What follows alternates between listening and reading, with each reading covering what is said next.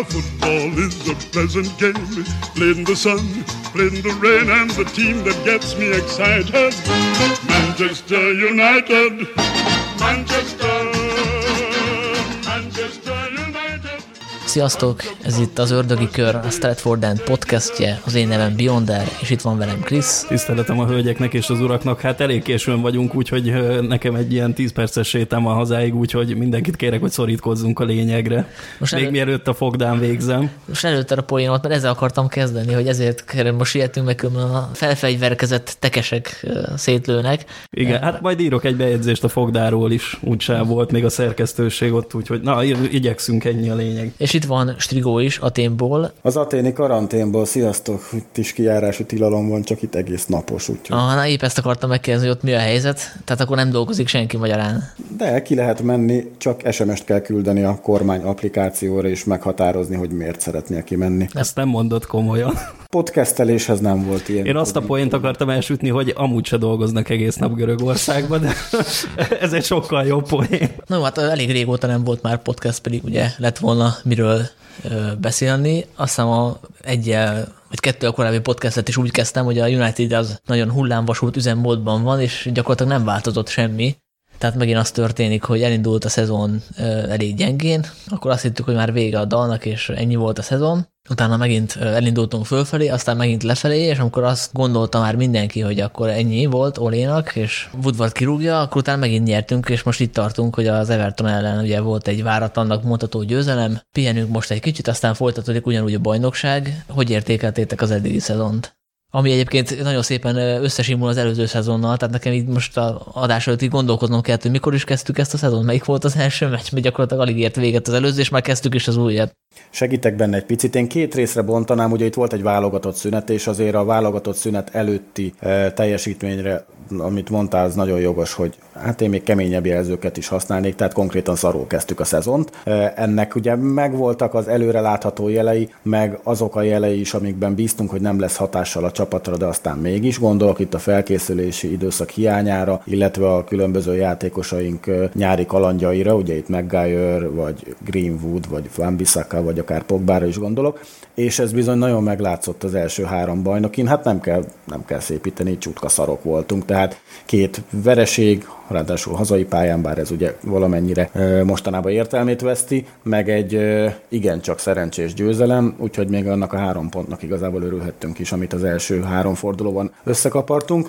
Viszont utána azért itt mutatta annak jeleit a csapat, hogy nem kell temetni ezt a szezont, még ha az első hét fordulóba szerzett 3-1-3-as mérleg az, az nem is az igazi, de a hullámvasúton én úgy, úgy érzem, hogy most ilyen emelkedőbe vagyunk. Vagy az a, az a rosszabb a hullámvasúton, nem tudom, utálom a hullámvasutat, úgyhogy nem tudom, mitől kell félni. Hát a hullámosodnak épp az a lényeg, hogy soha nem tudsz egy pillanatra megnyugodni, mert hiába van egy nyugodtabb szakasz, utána megint jön egy, egy emelkedő, és utána megint a zuhanás. Szóval, hogy én azért nem látom azt, hogy most kint lennénk a vízből, tehát hogy, hogy elindultunk fölfelé, mert voltak már ilyen periódusok, amikor úgy tűnt, hogy, hogy igen, elindultunk, és kiderült, hogy ez csak illúzió volt, szóval nekem azért még kéne bizonyíték, hogy, ez, hogy, hogy itt fog változni bármi is. Hát itt igazából ez, a, ez az Erdogán elleni what the fuck vereség szerintem, ami nagyon bele csúfít úgy a képbe. Hát meg a Spurs.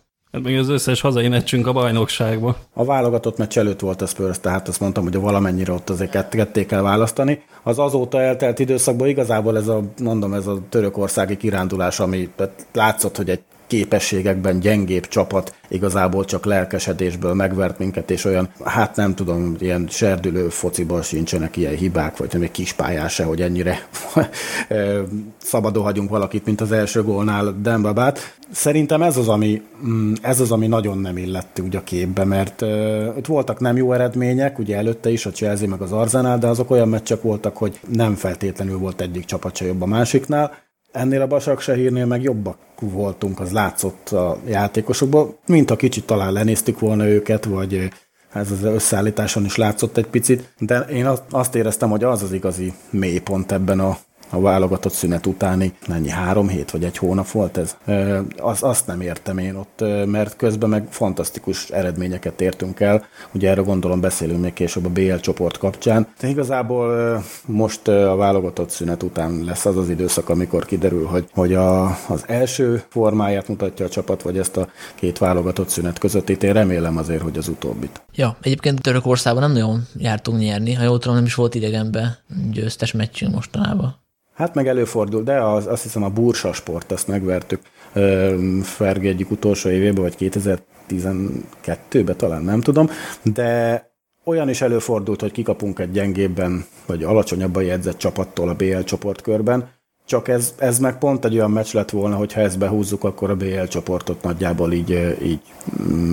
Hát lezárhattuk volna, igen. Mondjuk, ha előzőleg azt mondja nekünk bárki is, hogy három meccs után lesz hat pontunk, az nem, végül nem lett volna rossz dél, csak nem ebbe a felosztásban nyilván. Így azért elég trükkös is lehet a csoport, tehát itt a PSG vagy a Lipcse ellen, hát ugye ők még játszanak egymással, és ott igazából nem is tudom, hogy melyik lenne nekünk a jó eredmény. Az X az nem, mert az X-hez valamelyiküket verni, vernünk kell majd az utolsó két meccs egyikén, meg hát az alap az most már nem tudom, nem is must win, hanem tényleg a, a, az arcvesztés kategória lenne, hogyha a Basakságért otthon nem vernénk meg, akkor nagyjából, mm, hát azt nem mondom, hogy elfelejthetnénk a csoportot, mert aztán lehet, hogy hat pontot hozunk a, a két nagy riválison, de akkor nagyon-nagyon nehézzé tennénk a saját uh, sorsunkat. Szerintem miatt még tovább megyünk, azért arról beszéljünk, hogy itt uh, azért nem egy normális szezon van, mert mert ezt néha szerintem elfelejtjük, tehát olyan régóta mennek már ezek az átkapus meccsek, hogy, hogy ugye föl se tűnik, hogy ez az új rendszer van, és és, és nem beszélünk róla szerintem eleget, hogy ez mennyire változtatja meg a, mondjuk a játékosoknak a, a felkészülését, nem csak fizikailag, hanem mondjuk így a lelkileg is, meg hogy ez milyen hatással lehet a, a bajnokságban. Tehát nem véletlenül születnek eléggé durva fuck eredmények, és gyakorlatilag szerintem még senki nem tudja, hogy ebből ki fog jobban kijönni, tehát melyik az a csapat, amelyiket ezt jobban megterheli, vagy hogy mit jelent az, hogy eltűntek a hazai meccseknek az előnyei, tehát hogy már nem nem akkor előny otthon játszani, amire persze nyilván lehet az a válasz, hogy a többi csapatot is sújtják ezek a körülmények, de hát azért ez nem ilyen egyszerű, mert nyilván egy olyan csapatot, amelyiknek 70 ezer stadionja van, az lehet, hogy kicsit jobban sújt a hazai pálya hiánya, mint egy kis csapatot, amelyiknek 20-30 ezer stadionja van. 70 ezer stadionja azért nem tudom, még Orbán Viktornak sincs, tehát itt valószínűleg a szurkolókra gondolt, hogy annyian hiányoznak a stadionból, Igen. de ez az Old, Old Trafford meg, meg az Old Traffordnak a irónia nélkül értő közönség azért az nagyon hiányzik a, a, a nem, ezt, ezt komolyan mondom, tehát az Old Traffordon, jó, nyilván azért, mert hogy is mondjam, kevés ilyen 70 ezres meccsen voltam életem során, és annak nagy része az Old Trafford, de, de ott azért valahogy értik a játékot, tehát egy jó labda kihozatal, egy testsel tapsot ér, meg, meg ovációt, hasonló. Szerintem ez a visszajelzés ez nagyon hiányzik a játékosoknak, és talán főleg azoknak a játékosoknak hiányzik leginkább, akik még ezt nem sokszor tapasztalták meg. Tehát itt a fiatal játékosokra gondolok, vagy például az új igazolásokra, akik ide jön mondjuk Cavani, és hogy ez a világ legnagyobb klubja, de nem érzékel belőle semmit, csak hogy egy kurva nagy üres stadionban játszunk. Ja, meg a szurkolók azért hajlamosak ki is fütyülni a játékosokat, ha mondjuk úgy érzik, hogy hogy csak ölik a játékot, és nem távolnak hát akkor mondjuk a inkább úgy, hogy a közönség is tudja a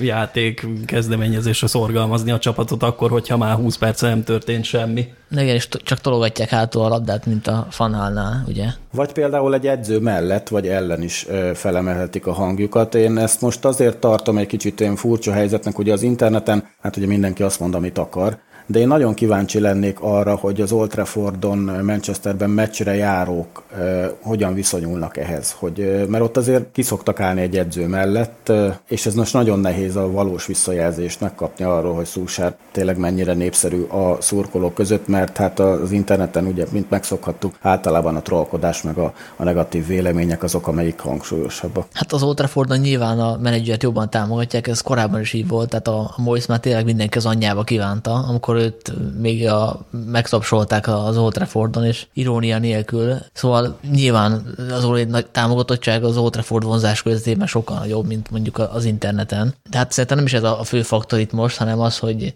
hogy magukat a játékosokat is sokkal nehezebb motiválni, hogyha ha nincsenek szurkolói hangok. Tehát ennél már az is jobb lenne, hogyha United minden héten ellenséges, ilyen Liverpool szintű szurkoltábor előtt játszana, és minden megmozdulásokat, megmozdulásokat fütyülnék, mert az is jobb visszajelzés, mint az, hogy gyakorlatilag egy edzőmegy hangulata van a, a, a BL meccsnek is. Tehát nekem például nagyon nagy izé volt megrázkódtatás, amikor először leültem a United BL meccse elé. Ugye visszatértünk egy év után, és nem tudtam, hogy a közvetítésben nem lesznek ilyen közönségzajok, bejátszott közönségzajok, és komolyan mondom, nekem hiányzott, amikor leültem, és elkezdődött a meccs, ugye megszólalt a BL himnusz, és utána egy csend.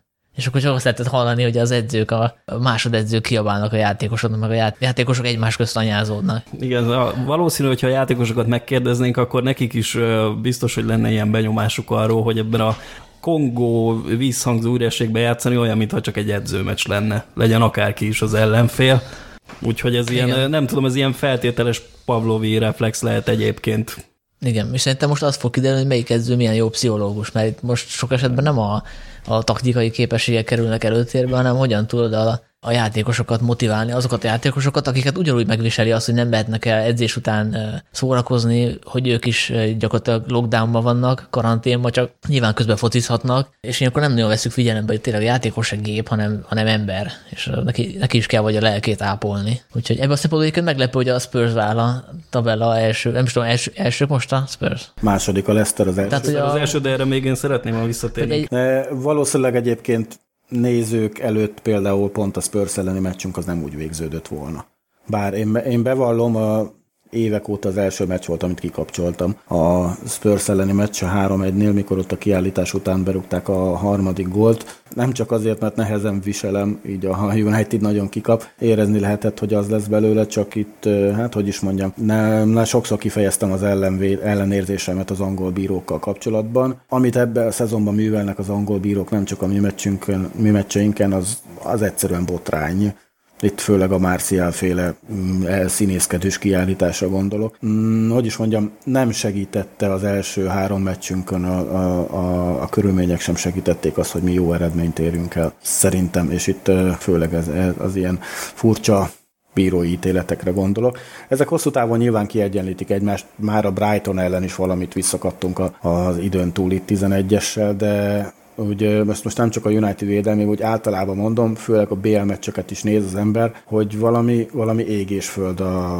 a szint, a BL bíráskodás és, a, és az angol bíróknak a, nem is tudom, hogy mondjam, ezt a, a felfogásához, vagy a, vagy a hozzáállásukhoz egy, egy, egy meccshez. Mondtad, hogy a, a pszichológia talán az segít ebben, a menedzserek pszichológiája, hogy jobb legyen egy csapat, hát ezen aztán nincsen semmi, ami segítene. Ezt úgy tűnik, hogy minden csapatnak el kell viselni, hogy néha egy-egy meccset elkórnak a hülye bírók. Miért átérünk a negatívumokra, még egy pozitívumot említenék. Ugye mindenki azt mondta, hogy hát nagyon sokan, hogy az Zoli egyik legnagyobb hibája, hogy nem rotál eléggé, meg hogy nem elég rugalmas, és ezzel én egyetértettem egyébként, meg, meg részben azért még egyetértek, tehát nem győzött meg teljesen, de ehhez képest nekem abszolút pozitívum volt, hogy elkezdett rotálni, és hogy elég elég komoly döntéseket hozott meg. Tehát egy Pogbát leültetni a padra, és betenni azt a Fred McTominay kettőst, akik a közülhely tárgyai voltak a szurkolók körében nagyon sokáig, ahhoz azért kell bátorság, és ez a bátorság be is jött. Tehát én nem mertem volna arra fogadni, hogy egy PSG ellen ilyen kezdővel, ilyen belső középpályás párosra fogunk kiállni, és ez abszolút működött, meglepte szerintem az ellenfeleket is, és amikor belefutottunk egy ö, nagyobb vereségbe, vagy amikor visszaesés volt, mondjuk hazai pályán, akkor mindig az volt, hogy akkor már nem volt olyan bátor. Tehát, hogyha következetesen ragaszkodik ahhoz, hogy, hogy variálja a csapatot, mondjuk az Arzenál is kiállhatott volna három belső védővel, és nem tért volna vissza mondjuk a négy, négy védős szerkezethez, akkor lehet, hogy, hogy sikeresebbek lettünk volna. Tehát én azt látom, hogy azért tud változni a Szulsier, bármit is mondanak róla ebben a tekintetben. Tehát tud meglepőt húzni, taktikailag is váratlant húzni.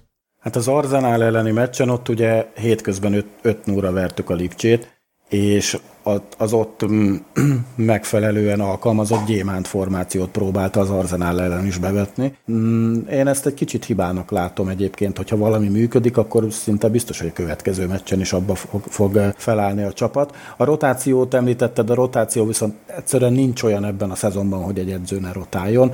Hát most érdemes megnézni az elkövetkezendő két hónapot, Hát ez valami brutális. Tehát ha ed- eddig is az volt, ugye csak itt a válogatott szünetek azért egy ilyen kéthetes pauzát mindig jelentettek. Hát ami most lesz, például most december 2 és január 2 között lesz 10 meccsünk. ami között van két BL meccs, meg egy ligakupa, nem tudom, negyed döntő az Everton ellen, a többi bajnoki.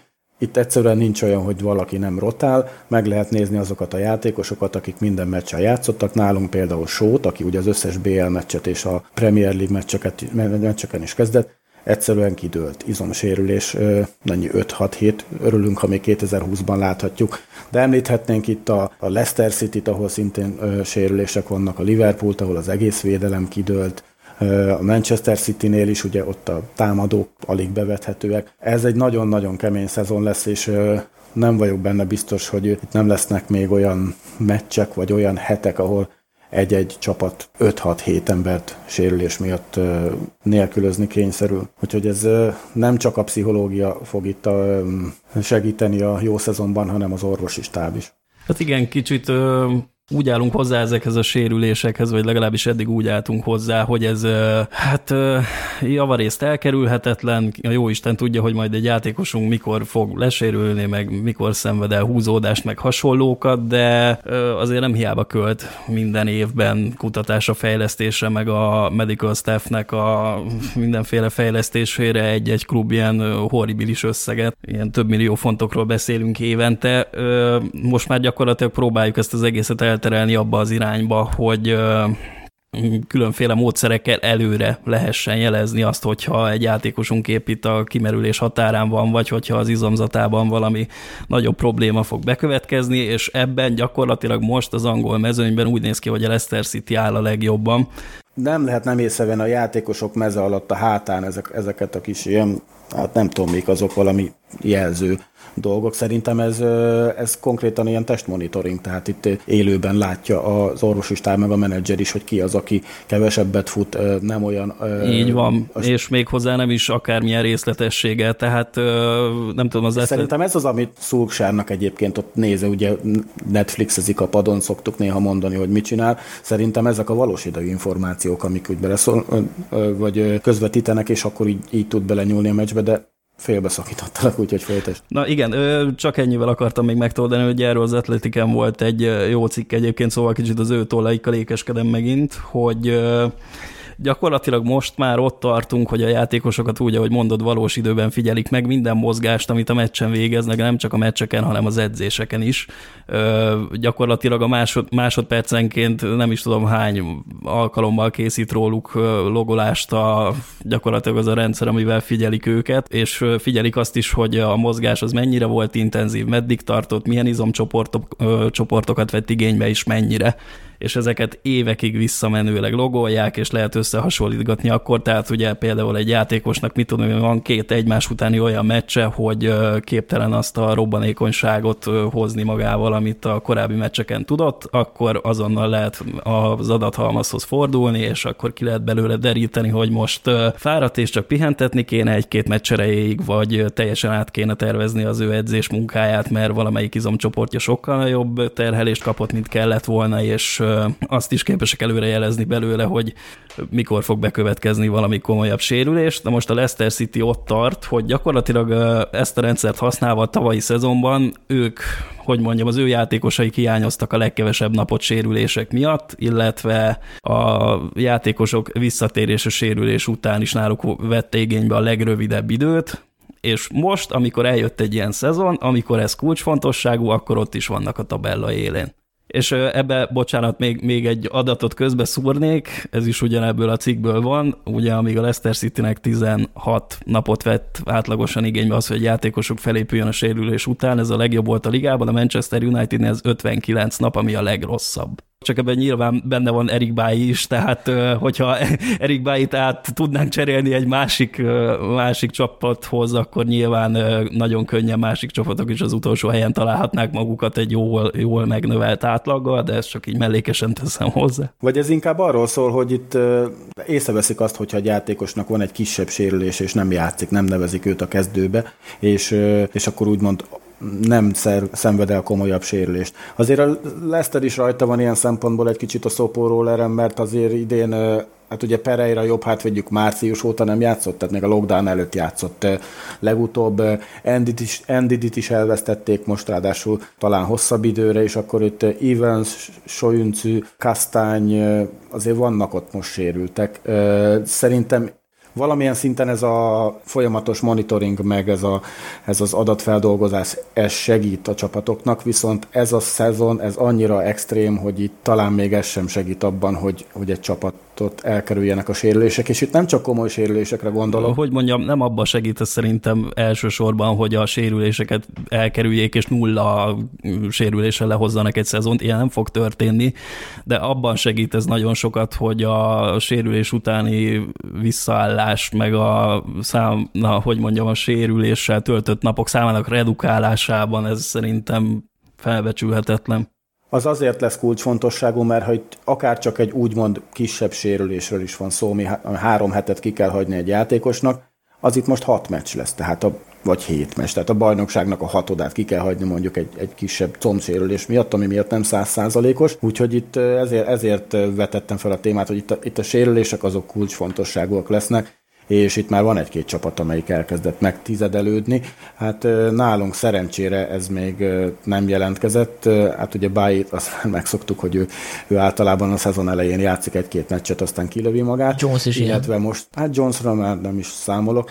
Most Sean látszott az meg, hogy mondom, ő játszott a legtöbb percet eddig a csapatban ebben a szezonban. Most 6-7 ez, ez 15 meccset jelent, vagy hát, hát rengeteget, tehát olyan, mint a szezon harmadát kihagyná egy 6 hetes sérülés miatt só. És hát ugye egyelőre first choice ballback. Meg hát nem is játszott rosszul, nyilván a, a szezon elejé förtelmet leszámítva a válogatott szünet után Só akár ugye baloldali belsővédőként, akár balhátvédként elég jól játszott. Hát a Tottenham elleni meccs óta szerintem nincs kifogásunk vele kapcsolatban. Hát most legutóbb ugye két, két gólpaszt, ad, gólpaszt is adott, úgyhogy... Ja, hát rá is tihetük egyébként a játékosokra, mármint hogy mindegyiket most nem vegyük végig, csak egy-két, egy-két teljesítmény szerintem érdemes kiemelni. Az egyik az show, a másik meg lehetne Dehe is, és ebből a két esetben azt a tanulságot vonom le, hogy a Unitednek nem elég az, hogy jó játékosai vannak, még költenie kell 10-20-30 valamennyi millió fontot arra is, hogy hozzon egy helyettes játékost, aki majd motiválja azokat a játékosokat, akiket már megvettünk évekkel ezelőtt, és elvileg klasszis teljesítményt nyújtatnának, de valamiért nem teszik azt. Idehozunk egy, egy helyettest, egy potenciális riválist, ugye Henderson és Alex teljes személyében, és akkor azt látjuk, hogy hirtelen megtáltosodik a show, és a DH teljesítményére se nagyon lehetett eddig kifogás, vagy nem tudom ti, hogy látjátok a, az ő teljesítményüket, de szerintem valami köze csak van ahhoz, hogy érkeztek potenciális riválisok. Hát leginkább az, ami most sóval is történt, hogy kiesett ki tudja mennyi időre. Nyilván kellett egy másik balhátvéd, mert Williams egyedül nem fogja megoldani azt a pozíciót.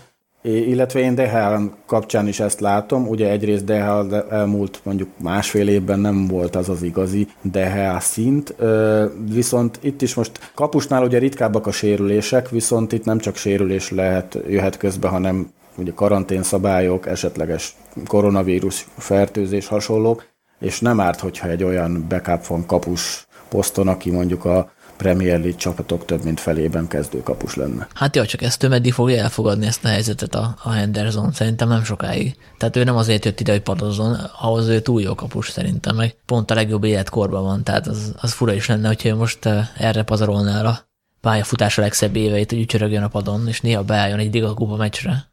Hát egy kapusnál azért a pályafutás legszebb évei azok olyan 30 fölött jelentkeznek, vagy hát addigra lesz igazán kiforrat, mint ahogy el most ugye 30 éves. A hosszabb távon, ha ezt átgondolja Henderson, szerintem ez neki nem egy olyan rossz üzlet, még ha esetleg egy kis elégedetlenséggel, egy elégedetlenkedéssel, egy kis kölcsönszerződést is ki tudna harcolni, mert azért hosszabb távon a Manchester United kapusának lenni az jobb, mint mondjuk ha elmegy, nem tudom, az Evertonba vagy a Crystal Palace-be első számú kapusnak. Hát attól függ, hogy mennyire vágyik ő a stabil egyes számú hálóőri posztra ebben az életkorban.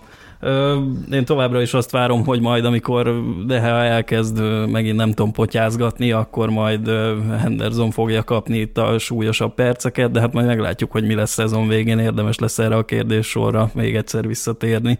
Basak Sehir ellen otthon szerintetek kezdeni fog Henderson? Szerintem igen. Az lesz most a következő, ugye rögtön jön a visszavágó. Hát akkor Dehe, én szerintem 98 százalék, hogy Dehe, kivéve, hogyha valami történik vele. Mm. Csak mert Törökországból ugye Henderson védett, szerintem most is ő fog. Hát mondjuk úgy, hogy megkapta, megkapta a lehetőséget, aztán most ezzel nem azt mondom, hogy eljátszotta. Sok és dolga nem volt. Igen. Hát játszott egy BL meccsen idegenben, aztán majd nem tudom, hogyha az utolsó forduló tét nélküli lesz, akkor gondolom megint kapott egy lehetőséget. Szerintem térjünk rá a elefántra a szobában, a zebracsíkos elefántra a szobában, Pogbára, aki ugye a kispadra kényszerült, hogy mennyire tartósan, azt még egyről nem tudjuk, és akkor megint nyilatkozott érdekes dolgokat, hogy nem érzi túl boldognak magát, amit persze érthető, hiszen, hiszen a kispadon van. Nem tudom, hogy ti mennyi jövőt láttok itt a számára. Én korábbi adásokban azt a nézetet képviseltem, hogy ott mindenképpen bele kell passzírozni egy csapatba, hiszen az egyetlen extra klasszisunk, aki jelenleg pótolhatatlan. Viszont most már úgy látom, hogy nem ő a legjobb játékos a csapatban, hanem Fernandes aki nem tud, lehet, hogy nem tudja úgy pörgetni a, a farkán a labdát, meg nem olyan erős fizikailag, mint a, a Pogba, de hogy ő abszolút százszázalékot letesz a pályán a futás mennyiségével is, és egy vezéralkat. Tehát én már nem érzem akkor a tragédiának, hogyha Pogba elmegy, akár már januárban. Nyilván nem örülnék neki, meg most nem azt gondolom, hogy ez a legjobb megoldás, de, de én azt gondolom, hogy a Fernandes érkeztével a, a Pogba probléma megszűnt abban a szempontból, hogy most már nem oszt, vagy nem szoroz, hogy ő, ő ott van a kezdőbe. Hát ez azért ennél bonyolultabb kérdés. Nyilván Bruno lett most itt a vezérbika a csapatban, támadó játékban, de, de akár a védekezésben is jobb számokat mutat, mint Pogba. Pogba nagyon rosszul kezdte a szezon, de hát ugye ott volt ez a koronavírus dolog nyáron, és itt Szulsárt sokan ekészték amiatt, hogy nem mer be, nem meri kitenni az embereket a csapatból, nem mer változtatni, nem mer bízni azokban az emberekben, akik ugye úgymond kerettagok, de nem első számú választások a posztján. Most Pogba rosszul kezdte a szezont, és amiatt a rossz formája miatt kikerült a csapatból. Tulajdonképp ez az, amit egy menedzsertől szerintem elvárnánk. Ne a névre legyen tekintettel, hanem a teljesítményre, és Pogba idén nem jó. Tehát volt egy ligakupa gólja, de azon kívül ugye összehozott két 11-est is, ráadásul ebből az egyik egy sorsdöntő Arzenál elleni butaság volt, és emellett nem hozza azt a játékot, amit itt akár nem az, hogy válogatottban vagy a Juventusban, amit itt a Unitedben megszoktunk tőle akár, és ennek csak részben felelőse a pozíciójának a megváltoztatása, vagy a formációváltás. Itt úgy néz ki, hogy Pogba ezt a szezont ezt nagyon rosszul kezdtek. Erre a nyilatkozatra meg kitérnék annyiban, hogy ő nem ezt mondta, hogy nem érzi jól magát a Unitednél, hanem ő azt mondta, hogy nagyon jól érzi magát a francia válogatottnál, és hogy ez ilyen fellélegzés neki. Nyilván, amit itt a, a podcast elején említettünk, hogy a játékosokra rossz hatással van ez az állandó lockdown, karantén, meccsről meccsre csak a csapattársakkal találkozni, eh, hasonló. Szerintem itt eh, erre gondolt Pogba, hogy itt a francia válogatottban ott jó légkör fogadja, a francia válogatottban ugye mindenki szereti a világbajnok Pogbát, nem pedig az történik, hogy egy cikkből kiragadott két mondat miatt a szurkolók fele elkezdi kurva anyázni. Hát most igen, egyébként tényleg ezt nyilatkozta, hogy most valami, a, hogy mondjam, a legnehezebb szakaszában van élete során már, amit a pályafutását illeti, és tényleg neki ez ilyen felüdülés. Most ez a francia válogatott, csak nekem meg az lenne a kérdésem, hogy akkor mégis mi a fene történik abban a francia válogatottban, amikor játszik, mert ott se volt normális meccse, ott is ilyen nulla nullás meccsek, sárga lapok, ott se tudott semmit hozzátenni a csapatjátékához körülbelül. Nem tudom, én Pogba, mondjuk nem csüngök a válogatott meccseken, de amikor láttam Pogbát játszani francia mezbe, hát az így nem nagyon, nem nagyon különbözött a Manchesterben nyújtott teljesítményétől. Én a Lipcse ellen emlékszem arra a 25 percére, amikor becserélték, az egész értékelhető volt, és onnantól gyakorlatilag, illetve a PSG ellen, bocsánat, nem a Lipcse ellen, a PSG ellen cseréltük be ugye a formációváltásnál, hát és gyakorlatilag másra nem is nagyon emlékszem. Nekem az a nagy kérdés, hogy akkor tényleg az a probléma, hogy nincs, formában, és ezért a padra kerül, ami egyébként nem lenne probléma. Az a természetes, hogy a játékosa nincs formában, akkor padló, padlóra, padlóra és a padra kerül, hanem hogy csúcsformában lenne, akkor is beilleszthető lenne ebbe a csapatba, ebbe a jelenlegi csapatba, ahol mondjuk nincs egy, egy, egy kanté a, a középpálya közepén. Tehát, hogy, hogy a Brunoval együtt megférnek-e ketten ebbe a csapatba, és ezt a kérdést akkor tettem fel először, amikor a Bruno megérkezett ugye tavaly, illetve idén, január. De a választ meg is kaptad rá, nem? Hát láttuk az utolsó, a lockdown hát utáni teljesítményt. Pogbával és Brunoval a csapatban. Hát de most meg nem működik, át... tehát az engem nem vigasztal, hogy hát egy most erre, erre, most már csak a medical staff tudna szerintem normális választ adni, nem de tudjuk, ezért, hogy mennyire... Ezért, mert ezt mondom, hogy Pogba szar formában van, tehát jogosan került ki a csapatból. De hát itt lesz hetente két meccs most januárig, sőt utána is, biztosan látni fogjuk Pogbát és Brunót egy csapatban, mert azért láttuk, hogy a, a McTominay Fred páros az nem rossz, hogyha az ellenfél játékát kell megölni, de mondjuk a Chelsea Arsenal elleni két hazai meccsen a 180 perc alatt rugott nulla gól, az azért hát van köze ahhoz, hogy, hogy nincs egy olyan kreatív ember Bruno mögött, mint Pogba. Most kérdezek akkor egy konkrétat, amikor a Pogba próbál védekezni a 16-oson belül, és ebből csinál egy 11-est, akkor az, az az ő hibája, hogy nincs formába, vagy arról van szó, hogy olyan helyzetbe, szituációba került, amiben nem kellett volna, mert hát, hogy az nem az ő asztala, és nem neki kellett volna ott lennie, és hogy nem várható el tőle, hogy ő tökéletesen szereljen a 16-oson belül, meg hogy irányítson is, meg hogy gólokat rúgjon is, tehát hogy az,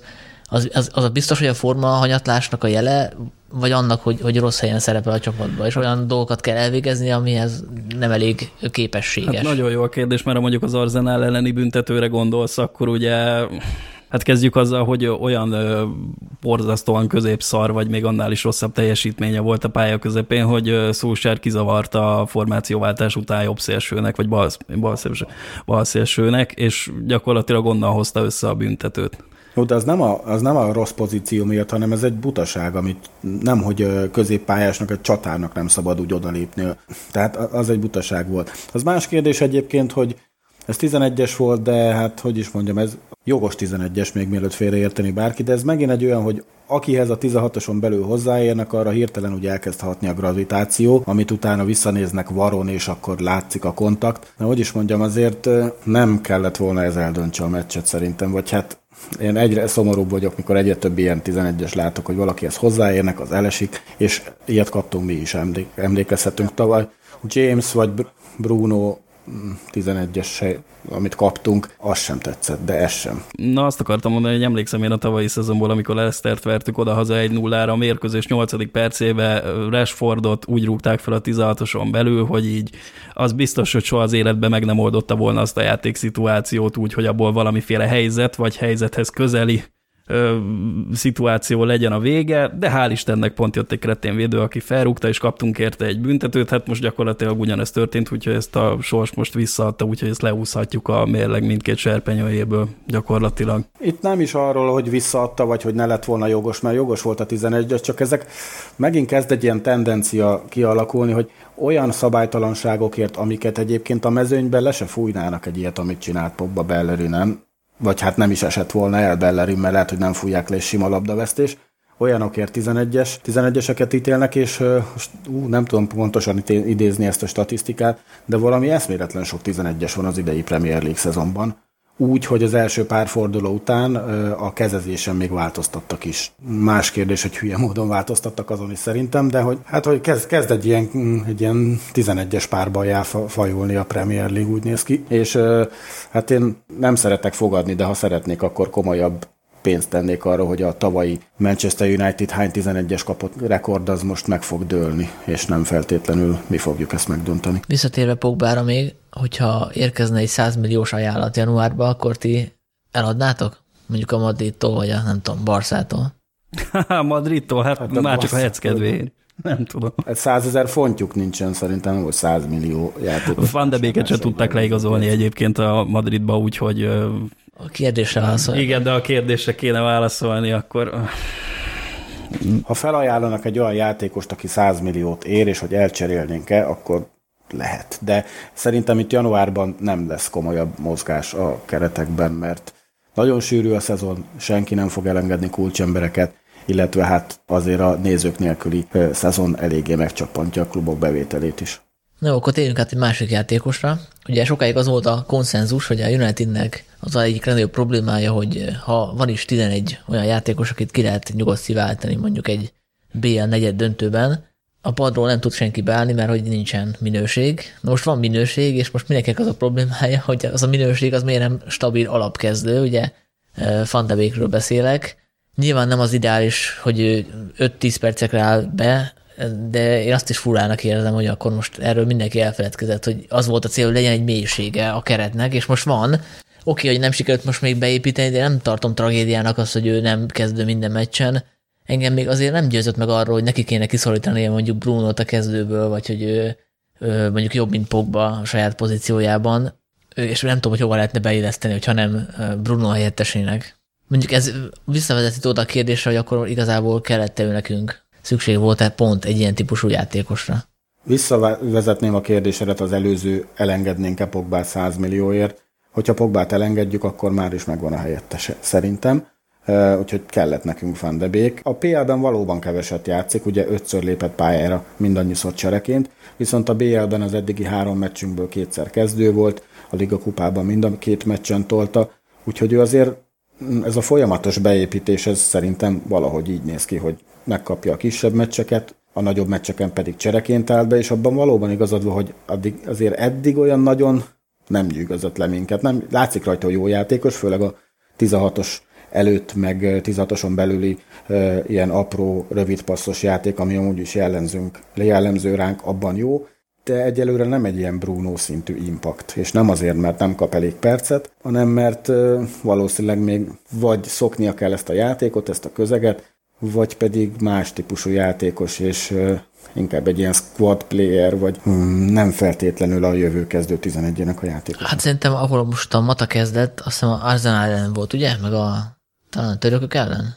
Hogy ott simán kezdhetett volna a Van de Beek, tehát hogy amit a Mata tud, azt ő is tudja szerintem, cserébe picit többet védekezik, meg gyorsabb is.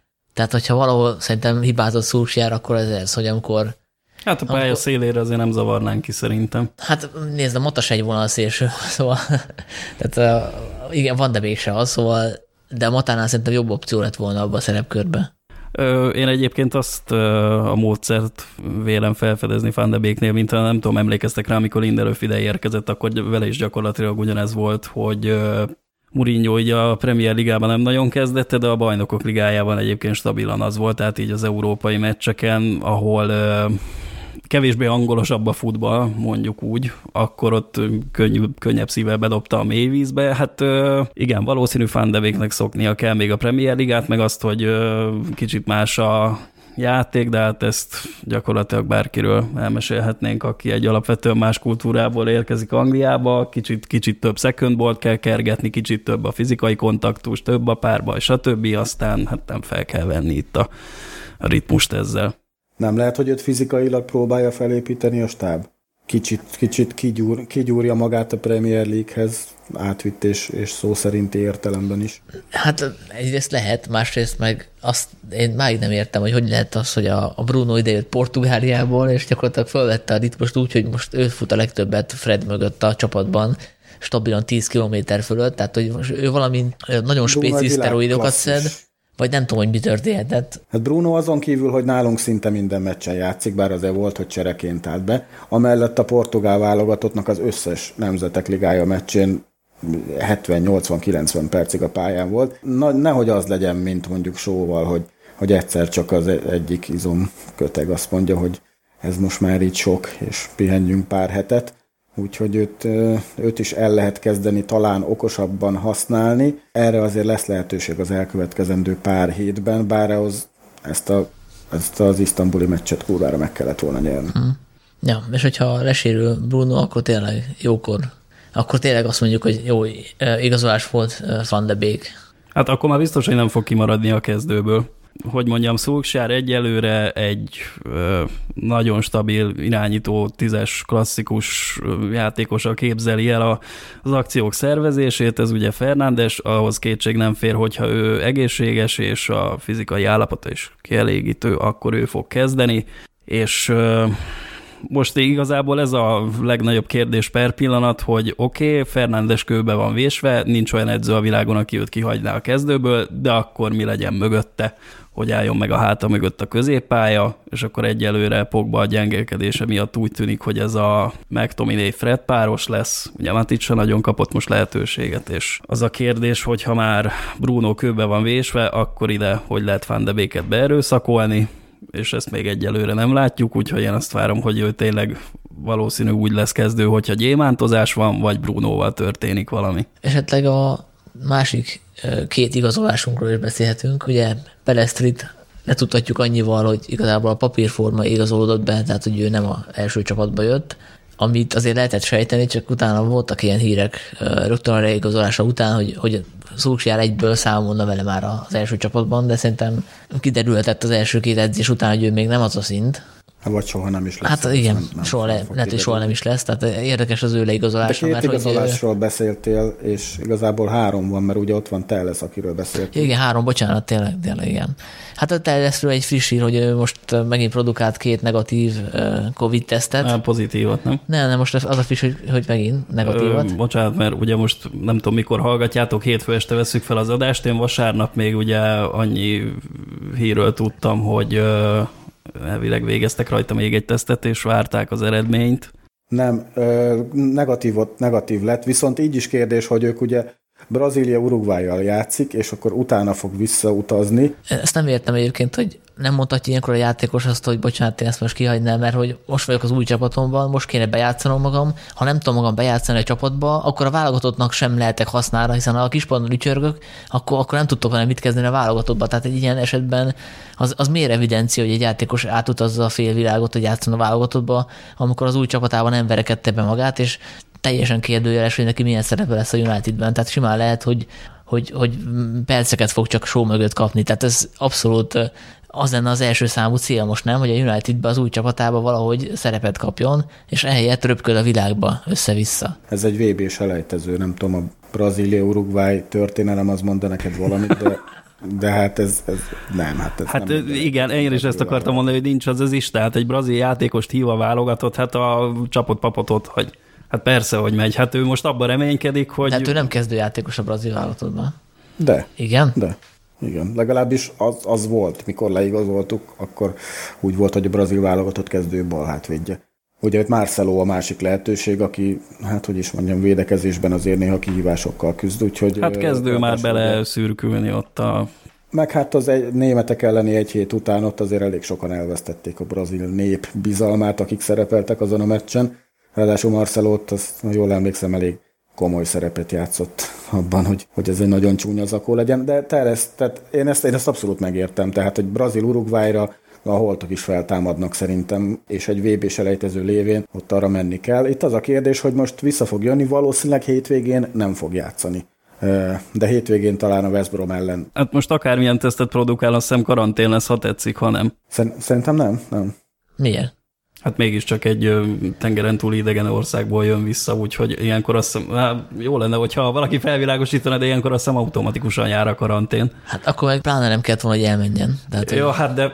Na, arra, hogy én fizetem a játékost, mint klub, akkor akkor azt el kell fogadnom, hogy ő elmegy két hét fizetetlen szabad, fizetett szabadságra? Tehát, hogy és akkor Káván, Káván is? Nem, hát de, ugye, ezen a akkor most elmondom még egyszer, tehát ilyen, eset, ilyen esetekre a klubok már nagyon régóta, nem is tudom hány évvel ezelőtt kényszerítettek ki mindenféle díleket a nemzetközi szövetségektől, hogy igenis a nemzetközi meccsre távozó játékosnak ilyenkor a bére, az szépen visszacseng a szövetségtől, plusz, hogyha bármiféle sérülést, vagy bármi más problémát elszenved, akkor azért is jár valami kompenzáció. Káván is ott lesz ugyanezen a meccsen. Igen. Most akkor ő is karantén, tehát nem, én nem, nem nem hiszem, hogy, hogy ilyenkor karantén lenne. A dél-amerikai országok, hát nem tudom, hogy állnak hozzá itt a mindenféle távolságtartási szabályokhoz, meg mennyire veszik komolyan ezt a tesztelgetős témát, de Ugye az a probléma, hogy a brazil klubokból is hívnak be több játékost is a válogatottba, tehát nem, nyilván nem európai játékosok adják a brazil válogatott komplet keretét, és akkor ott így, hogy mondjam, keverednek a játékosok az öltözőbe úgy, hogy Európából érkeznek azok, akik nagyon szigorúan féken vannak tartva, és folyamatosan tesztelik őket, és ott nagyobb a szigor, és akkor a dél-amerikai klubok játékosainál pedig ez már sokkal kevésbé van komolyabban véve. Tehát ott már most már nem egy olyan hír jött Brazíliából, hogy ott több játékost is engedtek úgy játszani, hogy hogy mondjam, nem tudtak negatív tesztet produkálni, hanem higgyétek el, nem beteg, nem produkált tüneteket, jó lesz az úgy. Hát ugye ez volt a portugál válogatott meccse után is, hogy ott volt egy pozitív eset, nem tudom, hogy ki volt, már nem emlékszem, és akkor Bruno visszatért a Unitedbe, és következő meccsen játszott. Tehát, hogy itt tényleg van valami zavar az erőben, mert a Cavani-nak két ki kellett hagynia, a Bruno megjátszott a United következő meccsén, tehát neki elég volt a negatív teszt. Tehát ezt nem nagyon értem, hogy a cavani például miért nem volt elég a negatív teszt. Azért, mert Bruno Angliában, Angliában él életvitelszerűen, Teles, illetve Cavani pedig akkor költöztek Angliába is, mint a külföldre oda költöző, ezért kell a karantén nekik. Aki életvitelszerűen Angliában él, az ugye mehet külföldre, hogyha bizonyos feltételek teljesülnek, nem tudom, napi háromszor tesztelik, vagy nem tudom hányszor tesztelik, mindegy. Van különbség a kettő között, és ezért nem hiszem, hogy Telesznek most karanténba kéne vonulnia. Papíron van különbség, de gyakorlatban nincsen. Tehát attól még, hogy a Bruno életvitelszerűen Angliában él, attól úgy elkaphatja a portugál csapattársától a, a, a Covid-ot. Jó, Cristiano Ronaldo el is kapta, de pozitív volt, és őt ugye nem játszhatott három hétig, vagy meddig. Brunónak negatív lett, tehát ő játszott. Egyébként is halad, halad egy ilyen kicsit ilyen, hát furcsa, nem is végkifejlett, de furcsa szezon lesz ez, mert itt elképzelhető még egy teljes lockdown, vagy egy megszakítás. Hát ugye láthatjuk, hogy nem követem a magyar focit, de ilyen hírek azért eljutnak hozzám, hogy 20x játékos koronavírusos az egyik csapatból, és nem állnak ki. Ugyanezt láttuk már vízilabdában is, most a győri női kézi csapatnál. Mi lesz akkor, ha mondjuk az, a PL-ben az egyik csapatnál lesz 15 koronavírusos? No, Angliában azért ezt komolyabban veszik, mint nálunk, szóval itt azért mutyi, mutyi van, ott meg szigor. Annyira, hogy Európában legrosszabb, vagy a legtöbb, legtöbb áldozat a koronavírusnak talán éppen. De én most az ésportról beszélek, nem a átlag statisztikáról, tehát na mindegy. Szerintem lépjünk ezen túl Cavani-ra, a másik igazolásunkra.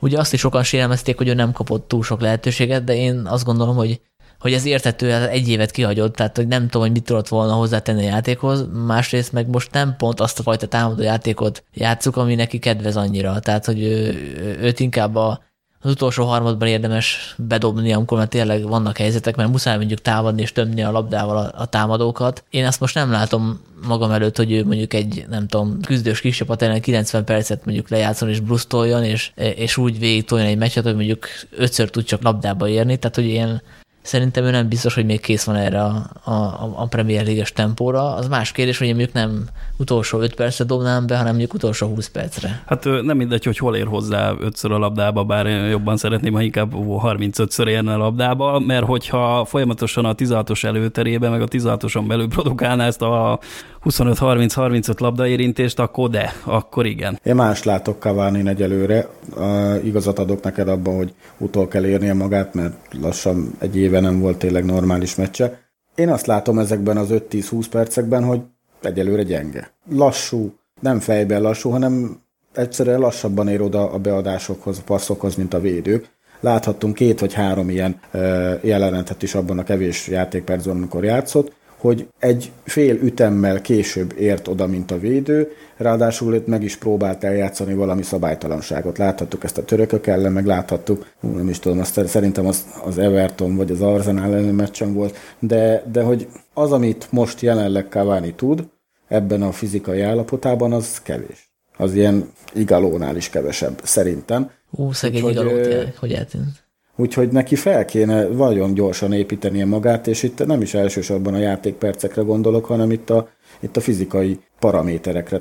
Egyszerűen én szerettem Cavani játékát, meg Olaszországban is, meg, meg a válogatottban is örömmel néztem. Nekem lassabbnak tűnik, mint sokkal lassabbnak, mint az a Cavani, akit én, én szerettem, vagy megismertem. Hát mégiscsak 33 éves. Hát a, a Zlatan meg 39 és mit művel az olasz bajnokságban? Hát az olasz bajnokságban, ami inkább a leglassabb a topligák közül, hogyha az öt topligát nézzük. Ott azért még, el lesz még ott Ibrahimovic egy jó darabig. Jó, hát igen. Nem véletlen, hogy ő most az olasz bajnokságban van. Igen, ott nem falkaósodik el teljesen Cavani, én azt remélem. Tehát hát én is bízom benne, hogy ő még hasznunkra lesz. Gólja lesz még valószínű, de azt tényleg ne, ne tőle várjuk, hogy ő itt a kezdőbe bejátsza magát előfordulhat, hogy majd valami sehova se számító Liga Kupa meccsen majd még kezdő is lesz, de egy valahova is számító tét meccsen nem hinném, hogy őt a kezdőbe látjuk. Hát 33 évesen nehéz már azért az embernek magára gyúrnia még plusz a Premier League tempóját, hát mondjuk ha ilyen 27-8 éves lenne, még lehet, hogy kinéznénk belőle, de így Így nem, hát ugye Igaló, mind, Igaló... Mindig ilyen fit, fit csatár volt, tehát én el, el tudom képzelni, hogy Cavani 35-36 évesen még azért top szinten játszik, de ahhoz, ahhoz most össze kéne kapnia magát, hogy utána más csapatok, vagy akár mi is komolyan számoljunk vele. Egyébként Bruno-tól nagyon nagy, nagyon nagy megoldás volt az, hogy gólt lövetett konkrétan Cavani-val a Mester 3 helyett. Az ilyen apróságok önbizalom szempontjából jót tehetnek cavani hogy látja, hogy a csapattársak bíznak benne, amit az elején mondtam, ez nagyon hiányzik szerintem, hogy cavani az Old Trafford imádná, hogyha jó, olyan jól játszana, mint mondjuk itt a, az elmúlt szezon. Hát meg ha belennének engedve, ugye a lelátókra, igen. igen. Neki, neki ez hiányozhat nagyon, mert ez nagyobb önbizalmat adna neki. Mielőtt ráfordulunk a olvasói kérdésekre, akkor szerintem beszéljünk a sláger témáról, hogy mi lenne a jelenlegi játékos kerettel az ideális felállás szerintetek. Ugye ezt a kérdést boncolgatta Stanley is a box-to-boxon, és ő arra jutott, hogy... Kitalálom, az a konklúzió, hogy Pochettino in. De akkor valamit mondjatok konkrétan. Én nem tudom, hogy a, a gyémánt az működne a jelenlegi felállásra. Úgy tűnt nyilván egy meccs erejéig, hogy az tök jól működik, aztán a következő meccsen kiderült, hogy annyira nem. Ugye a valami hát hasonló. továbbra, is, ugye, továbbra is az a helyzet, hogy minden, mindig azt szeretnénk, a Fernándesen menne keresztül minden akció, ő ugratná ki a többieket, ő adná a gólpasszokat, meg a kulcspasszokat, ő fordítaná át a játékot egyik oldalról a másikra, csak aztán jön az első olyan ellenfél, amelyik hajlandó levideózni azt, hogy milyenkor a teendő, és hogyha elvágják Fernándes felé a, úgymond a, az utánpótlást, és nem is kell, hogy külön őrzővel kivegyék őt a játékból, de hogyha meg tudják akadályozni azt, hogy Fernándesen átmenjen minden akció, és eljussanak hozzá a labdák, és pláne a pálya közepén, akkor gyakorlatilag ott állunk letolt gatyával, mert egyelőre úgy néz ki, hogy az ő varázslása kell ahhoz elsősorban, hogy valahogy kinézzen a támadó játékunk, ez történt az Arzenál ellen is, hiába voltunk ott a Gyémántal, az Arzenál nagyon ügyesen megakadályozta azt, hogy Fernandest meg tudjuk tömni labdákkal, és ott álltunk lőtt gól nélkül. Hát az Arzenál is szinte, meg a Chelsea is, tehát én azt látom, hogy mindenképp, ha formációról beszélünk, akkor mindenképp egy olyan formációt tudok elképzelni Kriszhez csatlakozva, amiben Bruno a tízes és ez lehet 4-2, 3-1, ami, hát amit leggyakrabban használunk meg Olénak, ugye tulajdonképp ez a taktika jött be leginkább, illetve mm, valami háromvédős formáció, a két csatár mögött szerepel Bruno. Ezt a gyémántot én azért látom, hogy is mondjam, kicsit veszélyes, önveszélyes felállásnak, mert így a széleket azokat teljesen föladjuk szinte, és hát a Premier League-ben, Premier League-ben ez nem annyira jó ötlet, mert még az ügyetlenebb szélső, hát nem is az, hogy ügyetlenebb szélső játék, általában nagyon jó szélső hátvédek vannak a Premier League-ben, még a alsó vagy a alsó középcsapatokban is ilyen Fanano Holtok, meg Bertrandok, meg nem tudom, hogy hívják, Brightonos gyerek, aki a Chelsea-ből igazoltak le. Egyszerűen túl jó szélső hátvédek vannak, meg túl támadó szélső hátvédek vannak a PL-ben, ahhoz, hogy ez a gyémánt ez hosszabb távon sikeres legyen, de a BL-ben előkerülhet, és nekem ez tetszik, hogy így a szezon elején próbálgatja Solskjaer formációkat, mert uh, ugye rengeteg meccsünk lesz, pihentetés kell, tehát nem lehet mindig ugyanazon, ugyanabban a formációban ugyanazokkal az emberekkel játszani. Nem árt, hogyha van kettő-három olyan formáció, amit, amiben már játszott a csapat, és nem csak edzésen gyakorolta. Na ja, akkor én még annyit tennék hozzá, hogy gyakorlatilag igen, Fernándes nem lehet kihagyni a tízes posztról, és egyelőre úgy néz ki, hogy a széljátékot is tényleg nem kéne feladni. Na most a Gyémántal meg ugye pont ez a probléma, hogy nincs olyankor rendes szélső a csapatban, és ilyenkor gyakorlatilag a bal meg a jobb hátvédnek kéne valamiféle széljátékot produkálnia, de hát hogy mondjam, a showból van visszakából egyelőre nem nézem ki, hogy ezt meg tudják oldani, és amit még Stanley szerintem nagyon jól kiemelt, hogy ez gyakorlatilag csapágyas a járatnál ugyanúgy a középpályánkat, ami megint csak nem lenne egy életbiztosítás úgy, hogyha a négy, hogy mondjam, legjobb középpályásunk folyamatosan játszik, és akkor gyakorlatilag csak van egy ötödik számú Matic, aki hát nem lesz abszolút elég ahhoz, hogy mélységet adjon ennek a középpályának. És ja, ugye ez a másik probléma, hogy akkor a széljáték elveszik, és szerintem ez hosszabb távon nem fenntartható, szóval ilyen egy-két meccs erejéig, amikor ilyen trükközni kell az ellenfél ellen, akkor ez valószínű be fog kerülni majd a szórásba ez a gyémánt középpálya, de máskülönben szerintem ezt nem nagyon fogjuk viszont látni. Illetve láttunk arra most több példát is, hogy akár meccs közben is képesek vagyunk formációt váltani. Ez szintén erre lehet jó, hogyha több begyakorolt formációnk van, hogyha valami nem megy, vagy az eredmény miatt kell belenyúlni a meccsbe, akár személyi cserék nélkül is, akkor, akkor ez, ez lehetséges. Én bízom benne, hogy ha formációt így konkrétan ki kell mondani, hogy milyen formáció, hogy a 4-2-3-1-behez megtalálja szósára azokat az embereket, akikbe folyamatosan bízik, és legalább az olyan meccseken, ahol mi vagyunk az esélyesebbek és tudunk dominálni, akkor ott ezt a formációt fogja alkalmazni, mert szerintem ebben a legjobb a csapat. Hát igen, csak én meg ott érzem a hiányt, hogy ahogy ez már elhangzott korábban itt az adás elején, hogy a hazai pályán egyelőre kevés az óvatosabb ellenfelekkel szemben ez a Fred McTominay páros Bruno mögött. Igen, a formációba viszont, ha Fred McTominay-t valaki, az egyiket lecseréljük Pogbára, vagy... vagy Egy jó formában lévő Pogbára. Igen, egy jó formában lévő Pogbára, vagy egy, egy formában lendülő Fandébékre, akkor szerintem ez, ez működőképes lehet. Csak egy zárójas megjegyzés, hogy én egyszer megnéznék egy olyan váratlan húzást, amikor egy játékost a saját posztján kívül vett be Szósjár, amit a, a Guardiola csinált egy, egy csomószor, amikor a valamelyik középpályás tolta föl, majdnem csatár szerepkörbe, ugye Dávid Szilva is megcsinálta, sőt egyszer még Fabregasszal is, vagy többször is. Hát Guardiola nagyon sok mindent elkövetett a pályafutása alatt, legfőképpen a Barcelonában, most mindent neki állnánk felsorolni, hát az lehet, hogy itt este tízig itt leszünk. Hát én a Van, Van de Beekről jutott igazából eszembe, hogy őt, el tudnám kérdeni egy, egy ilyen meglepően, meglepő húzással, Igazából... csatárként mindig... Hát, Mélységi csatárként nyilván, Gárdi, nem klasszikus Gárdiol ezeket nem akkor csinálta, amikor kiesett a BL-ből? akkor szokott ilyen, ilyen agyfasz dolgokat csinálni. Nem tudom, való igaz, hogy történnek ilyenek, tehát láttuk már, hogy Klopp is megcsinálta hogy ezt egyébként, ha jól emlékszem. Valenciából és Youngból szélső hátvédek lettek, tehát elképzelhető ilyen, ilyen változtatás. Egyelőre szerintem használjunk mindenkit a helyén, aztán ha jön a fáradtság meg a sérültség, akkor lehet mondjuk, nem tudom, Tuán Zebéből védekező középpályás, vagy, vagy tehát itt ilyenekre gondolok. Én Fandebéket csatának azt Hát most, hogy mondjam, igazából elsősorban mindig a, én, én mindig szeretem, hogyha a játékosnak a szerepét határozzuk meg, és hogy ez pontosan milyen pozícióban csinálja, és milyen formációban, az mindig kicsit másodlagos.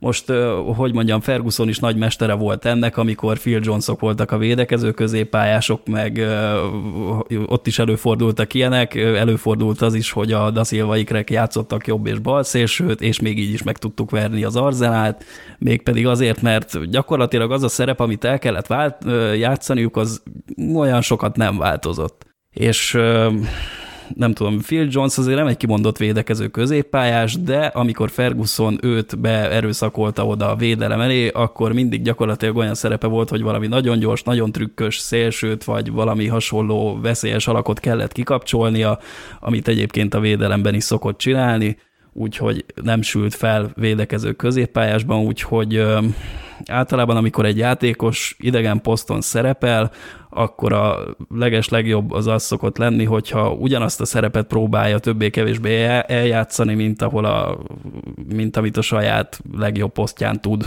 Na, ezt próbáltam valahogy kinyögni. Az igazi Fergie Masterclass szerintem az Gix középre húzása volt, meghosszabbította pár évvel a karrierjét. Hát az meg a másik, igen. Hát jó, de igazából az, az ilyen várható másik húzás volt, tehát hogyha egy támadó játékos már nem tudja ugyanazokat a statokat hozni, nem meg lelassul, akkor azt, azt nincs más megoldás. Tehát a, a Runival is ez hát történt. De van más megoldás, hogy 35 évesen egy szélső visszavonul, de Giggsnél nem ez történt, mert megtalálták neki azt a szerepkört, amiben legmagasabb szinten képes volt játszani. Én most nem látok ennyire egyértelmű, mert ugye ezekben a húzásokban épp az a lényeg, hogy nem számít rá senki, tehát nyilván mi sem számítunk rá de én azt hiszem, hogy itt egyetlen poszt van, ami, ahova esetleg el tudom képzelni ezt, hogy poszton kívüli emberek kerülnek, mint az utóbbi mondjuk 5-6 évben, ez pedig a jobboldali támadó posztja, ahova vagy egy csatár megy ki, vagy egy vagy Mata. Tízes. Hát most is ez történik, a Greenwoodnak kell ott játszani, aki inkább egy ilyen center alkat.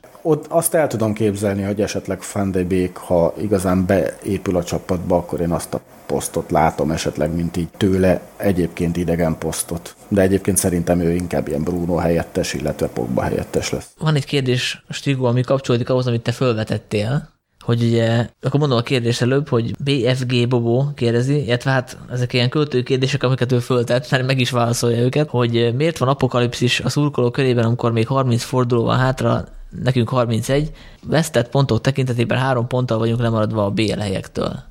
Én ezt a vesztett pontok tekintetében kifejezést nagyon nem szeretem. Ez mindig is hát ilyen furcsa mosakodásnak tartottam. Viszont amit most látok, hogy, és itt nem csak az ilyen trollkodásra, meg negatív kommentekre gondolok, de nagyon gyakran megjelent a mértékadó internetes forrásokban is, hogy a United, aki 14 Én ezt nagyon, nagyon félrevezető dolognak tartom. Igen, pont az egy elmaradt meccsünk miatt egyrészt, mert van egy elmaradt meccsünk a Burnley ellen, egyébként annyira sűrű a naptár, hogy még nincs kiírva, hogy mikor lesz, tehát lehet, hogy ez az utolsó fordulóban lesz az első, elsőből elhalasztott Burnley meccs. A Burnleyről ugye tudjuk, hogy 7 meccs, két pont, három lőtt gól, tehát akármennyire hullámvasút a szezon, azért azt kimerem jelenteni, hogy, hogy ezt, azt talán behúznánk, ha most lenne. Hazai meccs lenne? Hát ott általában kikapunk a burnley ha erre gondolsz, de hogy egyébként tök mindegy, hogy hazai vagy idegenbeli, ezt a burnley ezt a jelenlegi burnley valószínűleg vertük volna, vagy vernénk most is, és ez egy elmaradt meccs. Most 14-ek vagyunk 10 ponttal, 3-1-3-as mérleggel, ez 13 pontra hozna föl, mint a 7. Everton, vagy a 8. Crystal Palace, vagy a 9. Wolverhampton. Tehát ezt egy ilyen szenzáció hajhászásnak tartom, hogy a Manchester United 14 mindez kijeletve 8 nem teljes forduló után, úgyhogy két pontra vagyunk lemaradva a fantasztikus Manchester City-től, a négyszer vereséget szenvedő Arzenáltól egy meccsel kevesebbet játszva szintén két ponttal vagyunk lemaradva, vagy hát amit itt említett a, a kommentelő is, hogy az elmaradt meccsel három pontra lennénk a BL helytől, úgy, hogy azért mi játszottunk a Spurs Arsenal Chelsea 3-assal, viszont az utolsó négyessel, a Fulham, West Brom, Burnley, Sheffield United, ez kicsit ilyen NFL rajongóknak mondom, hogy ez ilyen NFC East csoport körülbelül, tehát a négy csapatnak összesen van egy győzelme egymás ellen, ami meccsen szerezték. Ezzel a négy csapattal még nem játszottunk, tehát nem szabad ilyenkor a tabellára hivatkozni egyáltalán. Bocsa, hosszú voltam, csak ez, ez nagyon idegesít, mikor a BBC-n is ezt olvasom, meg hasonló oldalakon. Hát most mit mondjak, egyelőre engem is a tabellán elfoglalt pozíció az majd olyan 11 néhány forduló után már valószínű érdekelni fog, egyelőre engem sokkal jobban aggaszt a hazai forma, tehát azon kéne, illetve hát nem az, hogy a hazai pályán mutatott játék az, ami egyelőre aggaszt, és azon kéne faragni, azon kéne gyorsítani, azon kéne hatékonyabbá varázsolni ott a srácokat, mert az a három vereség egy döntetlen, az tényleg semmire nem lesz elég, hogyha ez így folytatódik. Akkor mondok még egy kérdést. AG04147 kérdezi, hogy kell-e megint januárban igazolni, és ha igen, akkor kit hova ki lehetne a megmentő. Ugye egy január igazolásunk lesz. Lesz, igen, egy azt akartam mondani, hogy az Atalantába jön a... Diallo. Nem is tudom neki mi a neve, Diallo, vagy... vagy igen, ki, Traoré, mert az is a neve, nem? Adem Traoré, vagy Adem Traoré Diallo, mindegy, ő érkezni fog. De hát szerintem itt nyáron kellett volna okosabbak lennünk, hogyha igazolásokról van szó, mert ebben a szezonban én nem hiszem, hogy, hogy kezdő játékosától megválna bármilyen csapat. Hasonló, én, én gyakorlatilag semmiféle akcióra nem számítok a transferablakba, ezen kívül az Atalantás gyereken kívül. valami nagyobb, nagyobb sérülés bebaszik, a, például, mint nem tudom, McGuire lesérül két hónapra, akkor valószínűleg valami közép-hátvéd megoldást próbálunk szerezni. Hát meg, hogy mondjam, kísérleti jelleggel egy valódi obszélsőt hozhatnánk, de én nem tudom, hogy fillérekért valakit hoznánk. Hát de jön, nem? A, a kisgyerek az Atalantában. Hát, jó, az, meg hát a Pelestri is az elvileg, és ugye most akkor a Sancho, ami a helyzet, az a nagy kérdés, hogy akarjuk-e még lesz-e még rá esélyünk, és hogyha akarjuk, akkor még kellett két jobb szélsőt hozni, az se világos. 120 millió nem akarjuk, szerintem ez azért elég világosan kiderült. Hát gyakorlatilag erről szólt a nyár, igen. Ő nem fog ide jönni addig, amíg ilyen komoly árcédulát ragaszgatnak az ő hátára.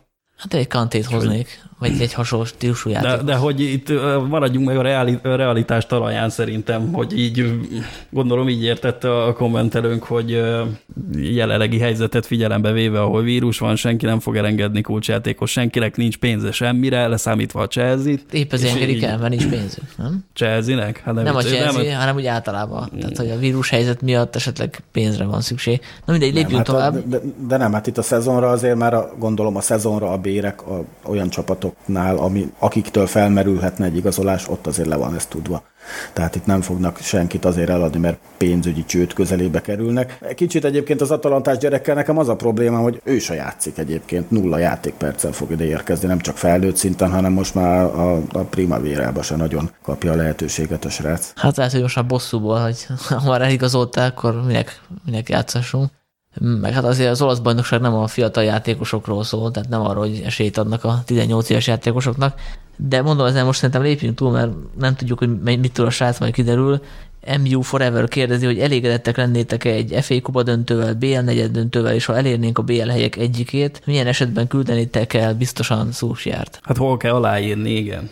Hogy, én a magam részéről teljesen elégedett lennék vele. Abszolút. Hát valószínűleg egyébként, mint az eddigi edzőknek a sorsa, az lesz Szúsjára is, ha lesz, hogy ha megvan a BL hely, akkor maradhat, ha nem lesz BL, akkor nem maradhat, és hogyha ez korán kiderül, hogy nem lesz BL, akkor, akkor itt lehet, hogy szezon közben lesz váltás. Egyébként ez a hét meccs után 3-1-3-as mérleg ez Mourinho utolsó szezonjának az első hét meccse. Azért van egy-két különbség, hogy ott nem nagyon javultunk utána sem. Kiestünk a Liga kupába, Derby County ellen, illetve a, a BL csoportból is egy ilyen, egy ilyen nagyon bemákolt Juventus elleni idegenbeli győzelemmel jutottunk tulajdonképpen tovább. Hát ha ilyen fordulatokat vesz a szezon, akkor, akkor lehet, hogy Szúsárnak is megköszönik. Azt nem mondom, hogy még idén, de, de hogy mondjuk február előtt. Hát azért maradjunk annyiba, hogy Mourinho alatt azután az első hét meccs után nagyságrendekkel kilátástalanabbnak tűnt a játék. Egyrészt, másrészt a játékosok nem nagyon hittek már akkor a mesterben, Olét meg szeretik, ez szerintem elég egyértelmű, tehát amikor veszélyben az állás, akkor ilyen Prime Barcelona, tehát ilyen 2008-as Barcelona stílusban játszanak, vagy akkor a lendülettel, úgyhogy egyelőre ők, mármint a játékosok még hisznek ebben a, a projektben. Newton Heath kérdezi, hogy mi lenne a szezonban az előrelépés indikátora. Ugye a top 4 azt szerintem nem, mert azt elértük tavaly is. Hát a, a három elődöntőből egyet azért döntővé kéne legalább. Igen, igen, mert hát akkor azért nagyon pocsettinos, ha mindig elbukjuk. De egyébként szerintem az előrelépés lenne, hogyha megint hoznánk a BL-t, mert az Fergi óta nagyon, sőt nem is fordult elő, hogy egymás utáni két évben a top 4-ben végezzünk. Ugye volt egymás utáni két BL indulás, de az az Európa Igen, egy Európa Ligás győzelem volt, nem volt dobogós. De, igen, de nem volt olyan, hogy két uh, szezont egymás után a top 4-be vagy a dobogón töltsünk, már pedig az az jelentheti így azért a stabilizálódást, meg egy projekt hosszú távú kifutásának a jelét, hogyha sikerül stabilizálnunk magunkat BL csapatként, és akkor onnantól minden plusz. Úgy néz ki egyébként, hogy a kupákat komolyan veszi Olé, még azt a Béna Liga kupát is, úgyhogy van esély kupa döntőre, vagy akár győzelemre is idén. Nem feltétlenül a BL-re gondolok. Hát valami fémtárgy kerülhetne a vitrínbe. Mondjuk azt, mondjuk azt, hogy produkáljuk azt, mint az előző szezonban legyen meg a BL, csak azért jussunk már valahol döntőbe is. Jó ha kis, szabadnak érnünk. Jó kis liga kupa? Hát akár a liga kupát most már... Akár. Nem a gaz, kérdezi, hogy... Nem a gáz. Jó, hát nincs ékező. Amikor nem kontracsapatként működünk, és megkapjuk a labdát, akkor mi a taktikánk? Hát ezt már fejtek. Hát reménykedünk Fernándesbe, hát mi mi lenne. Reménykedünk Fernándesbe, meg hogy a Rashford Martial duo az majd a négyvédő gyűrűjébe ki tud osztani egymásnak két olyan paszt egymás után, amiben nem tudnak közbelépni. Hát nem tudom, gyakorlatilag ennyi. Minden ilyen kicsit tankönyvinek érzek, felfutó szélső átvéd megpróbál besegíteni az akcióba, aztán hát vagy sikerül egy jó középre passzal vagy beadással megtalálni a társakat, vagy nem. Vagy bebassza a léc alá, mint Fanbisaka. Csak mert nem említettük meg, pedig jó szezonja van szerintem Fanbisakának abszolút. Ezt azért ez igen, ebbe én is egyetértek értek én, aki állandóan nekézem van Biszakát, hogy nem nagyon boldogul a labdával, de most már azért látjuk jeleit.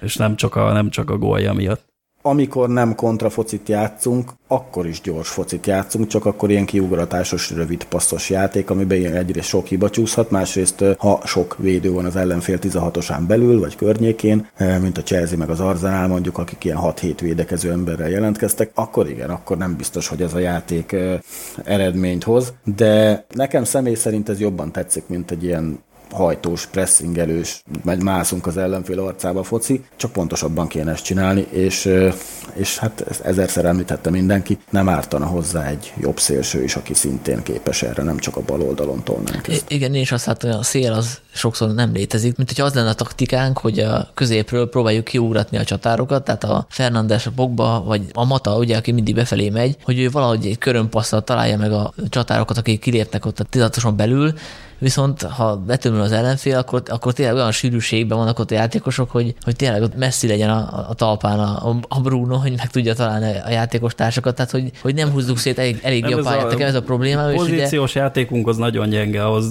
továbbra is én azt állítom, hogy elég gyenge ahhoz, hogy egy rendesen felállt védelmet feltörjünk vele. Tényleg csak abba tudunk bízni, hogy ezekbe a kis háromszögelgetések, meg sarkozgatások majd vezetnek valahova. Hát ezért kellene ugye a szélső hátvédek, hogy ilyenkor besegítsen nincsenek, kérjék a labdát a szélen, kipasszolni, beadják, csak ugye Só se arról híres, hogy assziszt király lenne. Most nyilván volt két asszisztja, király, Juhé. Van Biszaka is fejlődik, ugye volt gólya most, de hát ő, ő sem az a típusú játékos, aki ezt megoldja egyelőre. Én nem ebbe látom itt a fő hiányosságát ennek a focinak, hanem én a második hullám hiányában. Tehát, hogy ott nem érkeznek olyan emberek, akik, akik a összeszedett labdát, Mátics, hogyha játszik, akkor ő egyébként ilyen, aki lő, aki megpróbál kiugrani, ugratni, vagy akár befutni a résekbe. Fred és McTominay páros hátra felé nagyon jó, előre felé hát nem igazán. Ezért kéne egy jó pokba, aki érkezik, akár fejjel is képes, hogyha érkezik egy beadás. Hát ezt ugye kiemelte Szulsár, hogy hiányolta a gólokat itt a középpályától elsősorban, úgyhogy Van de Beek majd ebbe próbál majd valamennyire segítségünkre lenni, de hát ezt továbbra is várjuk, úgyhogy... Hát várjuk, de, de nekem tetszik a rövid passzos gyors foci. Hiányosságok persze még vannak, de azért nem véletlen, hogy ezzel a focival futottunk be tavaly a harmadik helyre, tehát hogyha ez elkezd működni, akkor látványos, és ha megszerezzük a vezetést, akkor utána viszont játszhatjuk azt a szintén gyors, de kontrafocit, amivel viszont képes vagyunk kivégezni akár a legjobb csapatokat is. Sof 92 kérdezte, hogy kivel pótolnánk Pogbát, szerintem ezt megválaszoltuk, nem? Vagy a Van de Béke kb. Igen. Hát ö, nem adott meg további megkötéseket a kérdés, hát hogyha a jelenlegi játékosok közül kell választani, akkor igen. Hát ő szerintem arra gondolt, hogy kit igazolnánk el. Ja, hogy kit fölös, fölösleges lenne szerintem.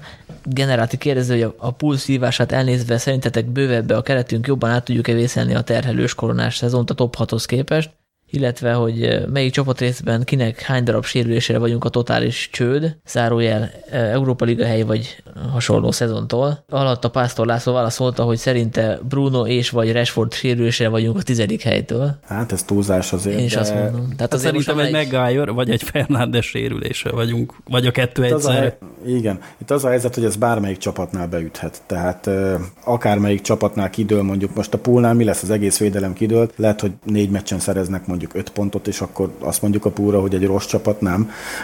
Ez bármelyik csapatnál kijöhet. Említettem már itt korábban, én jobban tartok egy ilyen koronavírus parától, mint egy-egy játékos sérülésétől. Tehát, hogy, hogy konkrétan 8-10 ember mondjuk pozitív lesz, és, és nem tudunk kikkel kiállni. Ja, hát az, hogy mondjam, az, én még annyit, annyit tettem volna hozzá, hogy most igazából Márciál valami három meccsen hiányzott, azért úgy elmuzsikáltunk nélküle. Nem tudom, én úgy érzem, hogy Rashford is, ha ugyanígy valami három-négy meccsre kidőlne, azon is elmuzsikálnánk, az ilyen sokkal oszloposabb tagok kiesésével lenne baj, mint mondjuk Maguire vagy Fernándes. Illetve most itt van egy olyan helyzet, ahol ezt meg is tapasztalhatjuk, hogy só kiesés, hát ugye van az a magyar népmese, hogy úgy szeretem édesapámat, mint az emberek a sót, hogy akkor veszük észre, hogyha, hogyha hiányozni fog. Tehát, hogyha nem lesz ott, hogy nem annyira látványos, amit művel, viszont vannak olyan meccsek, amikor az ellenfél jobb oldala tulajdonképp nem nagyon létezik. Só miatt én remélem, hogy a Telles Williams... Hát nem tudom, emlékszünk rá, de az Everton ellen is, mint a valami hasonló lett volna, hogy nem tudom, tegye fel a két kezét, aki emlékszik arra, hogy a James mit csinált. csinált. Vagy, vagy, vagy mondjuk ezt említhetnénk a Lipcsének a jobb oldalát, ami szintén teljesen le lett nullázva. Én nagyon remélem, hogy, hogy Williams egyébként most már nagyon éhes a játékpercekre, és jól, jól fog beszállni, illetve hogy Telles hátrafelé is tudja hozni azt, amit láttuk előrefelé, már megcsillottatta itt a, a szárnyvédő tulajdonságait, hogy, hogy azért ő a védelemben is lehet rá számítani, hogy az ellenfél lesz egye szét a bal oldalunkat. BFG Bobó 600 föltett kérdésében van esetleg egy-kettő,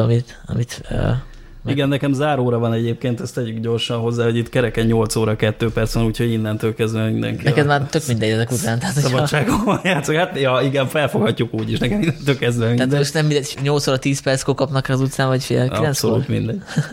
Ha, ha Kriszt lelövi egy túlpörgött tekes, akkor azt a podcast és a Statwarden saját halott.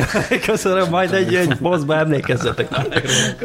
Igen, vagy kapsz munkáltató igazolás, egy podcastben vettél részt. Szóval a- a kérdések közül, ami talán még érdekes lehet, hogy ha Marcia nem tudja állandósítani a for, jó formáját egész szezonban, akkor kell-e igazolni helyére mondjuk all menni halandra a nyáron?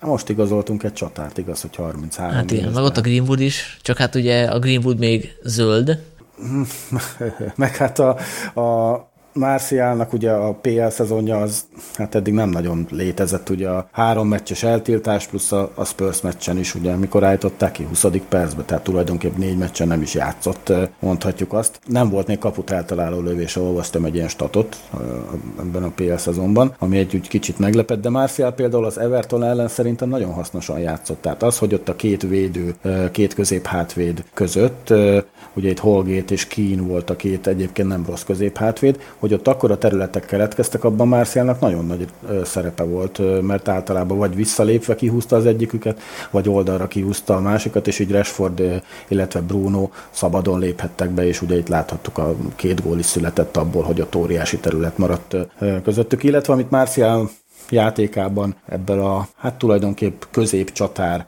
játékban sokat fejlődött, az a labdatartás, és elég sokat szabálytalankodnak Marcial ellen általában. Ezeket a pontrugásokat jobban is kihasználhatnánk, mint ahogyan tesszük. Bár a pontrugásokban fejlődtünk idén, de elsősorban a szögletekre igaz, ezekre a távolabbi szabadrugásokra kéne még valamit kidolgozni. Szóval azt akartad mondani magyarán, hogy akkor a Marcial a United Szalai Ádámja? Hát, ha nagyon le akarod sarkosítani, akkor jó abban a szerepkörben, viszont azért Márciától megszoktuk a gólokat, és ezek szerintem idén is fognak jönni, úgyhogy nem kell amiatt aggódni, hogy, hogy nem lesz. Ugye tavaly ő volt a házi gólkirályunk, Rashforddal küzdött a házi gólkirályi címért, ez szerintem idén is így lesz, és ki fog nyílni a gólzsák Márciálnál. Még egy kérdés BFG Bobótól. Matában lesz annyi, hogy belátja végre, hogy neki már lefőtt a kávé? Hát ez nem az ő belátására van bízva, hanem elsősorban az edzői stábra, de Hát kevés a játékos, aki ezt belátja. Ugye egyik az Gary Neville volt például, aki egyszerűen rossz teljesítményt tette az asztalra, hogy utána hát inkább pont, visszavonult. pont, pont, igen, pont ő volt az, aki belátta, hogy valószínű kár lesz ezt erőltetni a továbbiakban, úgyhogy ő szezon közben mondott fel, úgymond. Hát Mata most hát nem tudom, nyilván nem fog ilyet csinálni, mert egyszerűen imád játszani. Neville szerintem sokkal jobban tisztelte a klubot és a, hogy mondjam, magát a Manchester United címerét annál, mint hogy ő egyrészt átmenjen másik klubba, másrészt meg, hogy folytassa szar teljesítményekkel. Mata meg egyszerűen imád játszani, ő az, aki túlkorosan is mindenféle korosztályos tornára azonnal elment a legelső hívásra, tehát én most már nem is tudom, hogy hány nyár óta gyakorlatilag nincs olyan, hogy rendesen pihenni tudna, és szerintem ő még folytatni fogja itt a Manchester United után is bárhol máshol nem feltétlen. De ráadásul neki nincs rossz szezonja. Most volt egy-két rossz meccs, de egyébként ő nagyon jól kapta el a szezon kezdetet, talán úgymond egyedüliként. Tehát ott a Liga kupában kezdett, ugye, és a Liga kupában jól is játszottunk, és Hát az az ő szintje.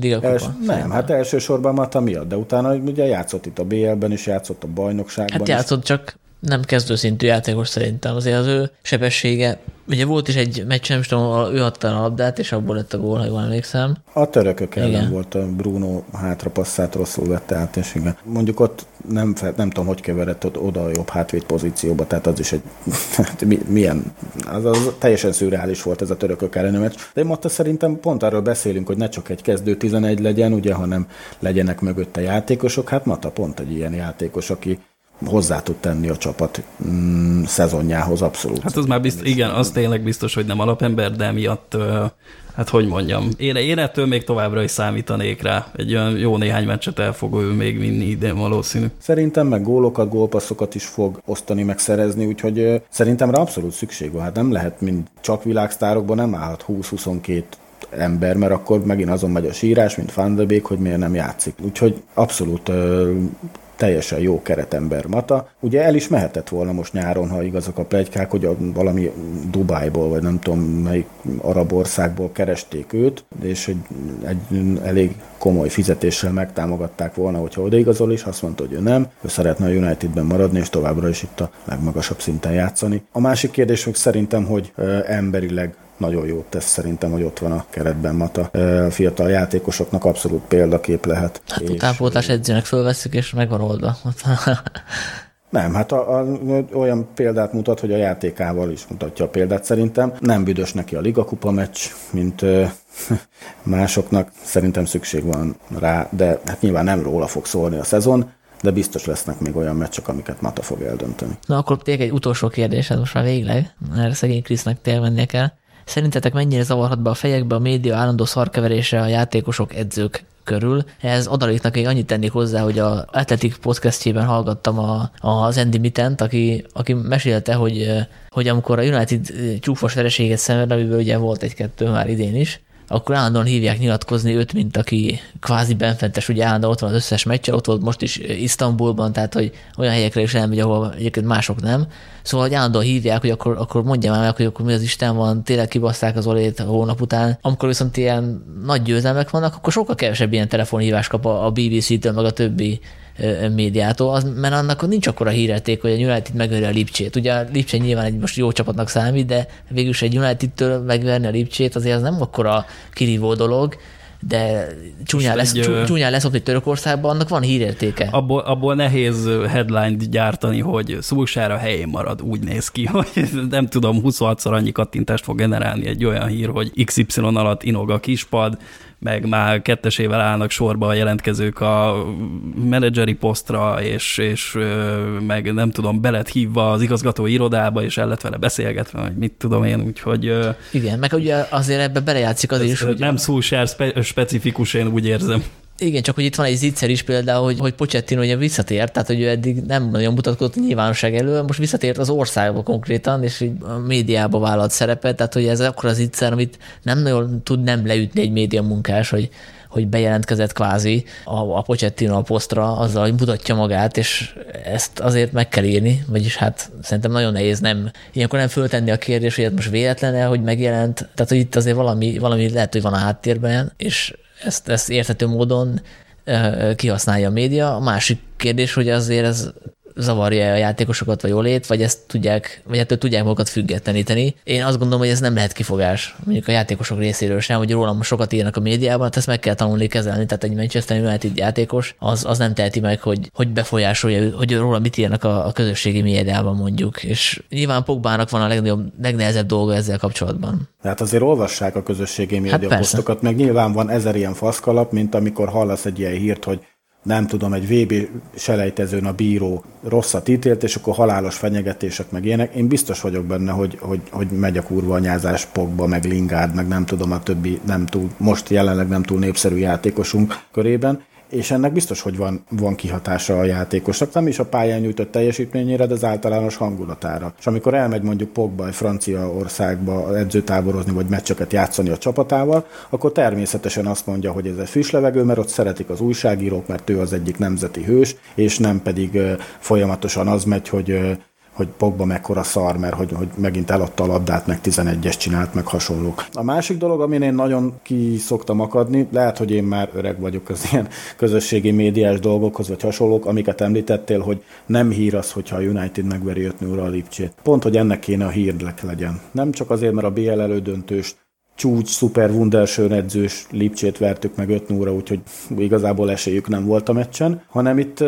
ezzel kapcsolatban is utólag, mikor van egy rosszabb meccsünk, mint például az Arsenal, akkor kiemelik egyesek, mindenféle szakírók, hogy a Lipcse ellen is csak szerencsénk volt meg, hogy az utolsó három gólt, nem tudom, az utolsó tíz percben lőttük. Ez szerintem valami olyan szinten vérlázító, az valaki, aki, hát hogy is mondjam, egy külföldi oldalakon olvastam, ezt például az Atletiken is olvastam egy ilyen cikket, hogy a, a Paris Saint-Germain meg a Lipcse elleni meccsek azok tulajdonképpen szerencsének köszönhetőek, vagy alakulhatott volna máshogyan is, de például a, a Chelsea vagy az Arsenal meccseket ugyanezek nem említik meg, hogy alakulhatott volna máshogyan is, amik pedig tényleg jóval kevesebben múltak, mint egy 5 0 vereség, hát az nem, vagy 5 0 győzelem, azt nem kell megmagyarázni, az egy 5-0, az egy kiütés. És azért mondom, hogy én nem értem ezt, mert troll kultúra van mindenhol, tehát elég megnézni a hivatalos oldalokat, nagyobb, elsősorban külföldi médiát fogyasztok, ott a hozzászólásokat, kommenteket, ez hát nagyon nem jó irányba megy az egész sport sajtó, meg a sport sajtót körülvévő közeg szerintem, és ennek biztos, hogy kihatása van a játékosoknak a, hát nem azt mondom, hogy személyiség fejlődésére, de a, a pillanatnyi hangulatukra, ami kihathat a játékra is. Hát az ö, nagyon morálomboló tud lenni, hát ugye minden játékos, na jó, nem mindegyik, de a legtöbbjük azért próbálgatja ott a saját brandjét is építgetni, úgyhogy bizonyos szinten erre is használják ezt a, az összes közösségi médiás felületet, aztán hát hogy mondjam, van, aki Phil Jones például egyszer annyira a szívére vette, hogy neki be is zárt a Twitter fiókja, azt hiszem, vagy nem is a Twitter Instagramja, valamit, valamit ő már bezárt egyszer, és na igen, ilyenkor aztán legyen sportpszichológus a talpán, aki utána tud valamit kezdeni ezzel a helyzettel, meg azért emlékezhetünk rá, hogy Márciál is valahányszor uh, szar teljesítmény nyújtott korábban, akkor hányszor hangzott el, hogy 50 million down the drain, ez Martial scores again, és mégis megérkezett oda, hogy tavaly most már a gól királyunk volt és valószínű idén is nagyon nagy harcba lesz azért, hogy ilyen 24-5 gólos szezont lehozzon. Hát ilyen Úgyhogy... pillanatkultúra van, hogy ha valaki játszik egy szar meccset, akkor elfeledjük azt, hogy tavaly ő a legtöbb gólt nálunk. Vagy ha leigazolunk egy Kávánit, akkor miért nem rakjuk minden meccsen őt kezdőbe a Lusta Márciál helyett. Lusta Márciál, aki tényleg legjobb szezonját futotta a Unitedben tavaly. Illetve most Angliában főleg elég nagy hype-ja van ennek, vagy nem is hype-ja, de um, eléggé népszerű téma, főleg így a lockdown miatt ez a mental health probléma, ugye, hogy a, a, az elmének a, az egészsége, depresszió és hasonlók, és elég, elég sok volt, vagy akár jelenlegi PL focista is nyilatkozott erről, hogy egy-egy időszakban igen mélyre tudnak kerülni ezek a, az egyébként a népszerűséget, meg a, meg a csillogást élvező játékosok, akár önszántukon vagy hát tőlük független dolgoktól, mint amilyen lehet például egy ilyen kampány bizonyos játékosok ellen. Nem vagyok benne biztos, hogy Lingard teljesítményében ez nem játszik egyébként közre. Mondjuk egy pozitív példát is, van Biszaka, aki ugye kiderült, hogy nem tudom, hogy hogy aktuális barátnőjét hány nővel csalja meg, egyiktől gyereke is van, amik itt nem akar vállalni, és hát ez a botrány a teljesítmény nem látszott meg, tehát ő ezt én olyan gyönyörűen kint tudta a pályán kívül hagyni, hogy ez nem tudom, el, elvileg Márciális túl van már valami válláson, vagy... Igen. De Van Bissaka szerintem az durván Van Bissaka az mindenkit, mindenkit blokkol, tehát hogy, hogy, hogy pályán vagy azon kívül. De egyébként sajnálom egy kicsit ezeket a srácokat. Greenwood nyári sztoriáról eszembe jutott, meg most Van Bissaka neki is volt ilyen Dubájba ment nyáron, meg gyorshajtás, meg most ez a, ez a nőügy, hogy ezek a srácok, akik igazából most futottak be a Unitedbe, ugye mind Van Bissaka, mind pedig Greenwood, vagy akár Williams-t is említhetnénk, akik tavaly kerültek úgy igazán először a Rivalda fénybe, hogy ők ezt most nem tudják megélni. Ez, ez majdnem olyan szomorú, mint hogy a Liverpool nem ünnepelhetett ilyen nyitott tetőt. Igen. Meg hát ugye ez a PSG. Szóval, hogy ez mekkora élmény lett volna. Nem, bocsánat, Lipcse, hát az, Lipcse. Az, az volt a hazai Hát pálya. az élmény volt így is. Így is, de hogy a, ha ott lettek volna nézők is, tehát érted? Igen, az egy villanyfényes, ez ugye otthon Otthon, volt, azért mondom, igen. Meccs, igen. Igen, a villanyfényes étközi Old Trafford meccs az, az ott... Hát vagy Cavani első volna. gólja Unitedben, az is azért azt megünnepeltük rendesen. Nyilván ott mondjuk egy, ha ezt nézők látják ezt a Lipcse elleni meccset, akkor a nem netes visszajelzés, hanem a szurkolói visszajelzés az egy három hónapig föl sem merült volna szerintem az oláot. Tehát ezek a momentumok azért hiányoznak, hogy a szurkolók igazán a csapat mellé álljanak, mert így a fotelből nézve a heti két meccs pörög, nem is emlékszik az ember arra, hogy például a, a Newcastle ellen ki volt, kik voltak a gólszerzők, pedig három hetese volt a meccs, vagy három hete volt a meccs. Hmm, nehéz ez szerintem mind, mind, mind szurkoló, mind pedig a játékosok, és hát a hazai mérlegünkön azon abszolút látszik, hogy hiányzik azért ott az Old Trafford. Na, ha még média, akkor még utolsó félmondatos záróját mondanék, hogy múltkor a, azt hiszem az Everton egy meccset a, a Sky-on kezdtem el nézni, aztán kénytelen volt átkapcsolni a Digire, és hát ég és föl volt a különbség, hogy a Sky-on megtették azt a szentségtörő dolgot, hogy foglalkoztak az Evertonnal is. Tehát Evertonról is beszéltek, az ő szempontjukból is elemezték a meccset, nem csak a Unitedről, és ehhez képest a Digisport a 80 az volt a téma, hogy a Pogba mérül a, a padon, és hogy ebben milyen konfliktusok lehetnek, és nem tudom, kicsit furcsáltam, például a magyar Everton szurkoló engem kurva idegesítene, hogy a, az egész meccsen arról, arról megy a duma, hogy akkor a Unitednek milyen belső problémái lehetnek, és hogy ez a konfliktus ez mit jelenthet, és hogy akkor az Miközben or- egész jó kezdés produkált az Everton. Hát, és a szúcsát mikor rúgják ki? Valószínű a Digin Digin volt. Igen, hát akkor a Diginek kifizetődőbb ebbe az irányba narálni a, a tévénézőket. Hát én azt hallottam arról a meccsről, ugye itt a kommentekben írták, meg utána én meglepően sok ö, magyar internetes oldalnak a kommentjei, vagy azt hiszem hozzánk is kommentelték, hogy Brunot ki kellett volna állítani ezen a meccsen, és én, én ebbe bele se gondoltam, hogy, hogy ezt ki kellett volna állítani. Az, én amerikai NBC, NBC néztem, vagy Peacock, vagy nem tudom milyen csatornán, és ott meg pont azt mondta, mert hogy a magyar komment kommentátor az ezt mondta folyamatosan állítólag a második félidőben, hogy Bruno-nak második sárgalap. Ezzel szemben az amerikai kommentátor azt jegyezte meg a második félidőben, hogy az Evertonosoknak nem tetszik neki ez a hozzáállása, hogy minden ö, vélt vagy valós faltnál rájátszanak, hogy Brunót hát ha második lappal leküldi a spori. Tehát ott, hogy is mondjam, te, ott is ég és föld, amit mondtál a Sky is, meg még az amerikai, bár azokat is Amerikában is, hogy angol szakkommentátorok tolják a meccseket, ég és föld a hozzáállás. Tehát ott valóban, amit mondtál, mind a két csapattal foglalkoznak, illetve mi ezt érezzük, bár nyilván mondjuk az Arsenal drukkerek is ezt érzik, hogy folyamatosan a magyar közvetítésekben, a magyar kommentátorok folyamatosan csak lehúzzák a csapatot. Valószínűleg mondom, nem csak mi érezzük ezt így, hanem a Arsenal drukkerek, de hát hogy is mondjam, aki teheti, az szerintem nézzen külföldi csatornák Premier League-et. Egyetértek. Szegény Krisz már nagyon menne. Pedig még eszembe jutott egy fantasztikus ötlet, ugye mindenki ismeri az unboxing videókat.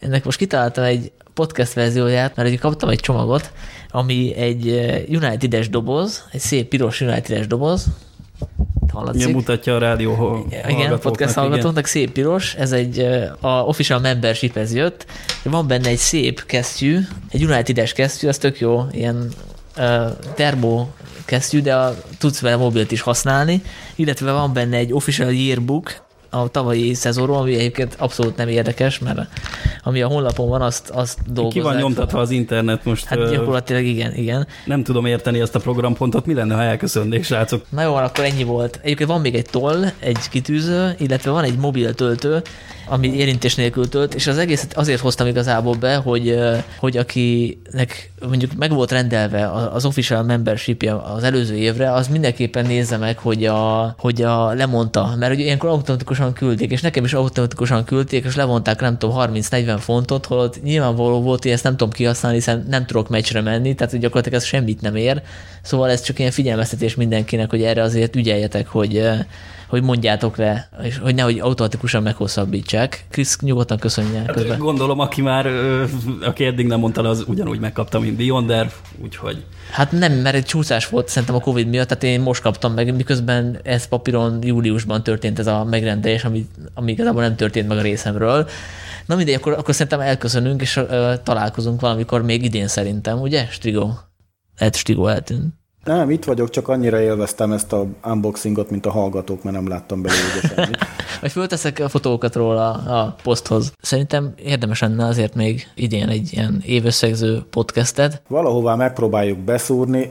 Itt ugye tényleg heti két meccs lesz, úgyhogy maximum egy ilyen beharangozóval, vagy egy ilyen meccsértékeléssel együtt összehozzuk még idén, még lehetőleg akkor az ünnepek előtt is. Lesz miről beszélni, mert addig még lesz tíz meccs. Ja, ja. Egyébként arról is beszéltük hogy ez a sorozat terhelés mit fog jelenteni, csak szerintem ezt most senki nem tudja, mert hogyha mondjuk nálunk is kiderül a jövő héten, hogy három-négy játékosunk elkapta a vírust, akkor utána az teljesen átírja az egész szezon véget, tehát a, a terveinket abszolút kiszámíthatatlan, hogy mi fog történni ilyen esetben. Ezt annyira nem tudja senki, hogy nem csak mi, hanem ezt szerintem még a, a vezetőedzők, vagy a, vagy a bajnokságnak a szervezői se tudják. Hát, mint említettem, itt ugye a Burnley elleni meccs, az, azt egyszerűen nem lehet berakni sehova, amíg ki nem esünk egy kupából mert annyira nincsen hely, de mi azért megpróbálunk helyet szorítani, ha nem is a Burnley meccsnek, de egy, egy podcastnek valahol ott a decemberi hajtása a Manchester City, Sheffield United, Leeds United környékére, hogy akkor még halljatok a hullámvasúton éppen felfelé tartó szezonunkról. Így legyen. Köszönjük szépen a figyelmet, sziasztok! Sziasztok!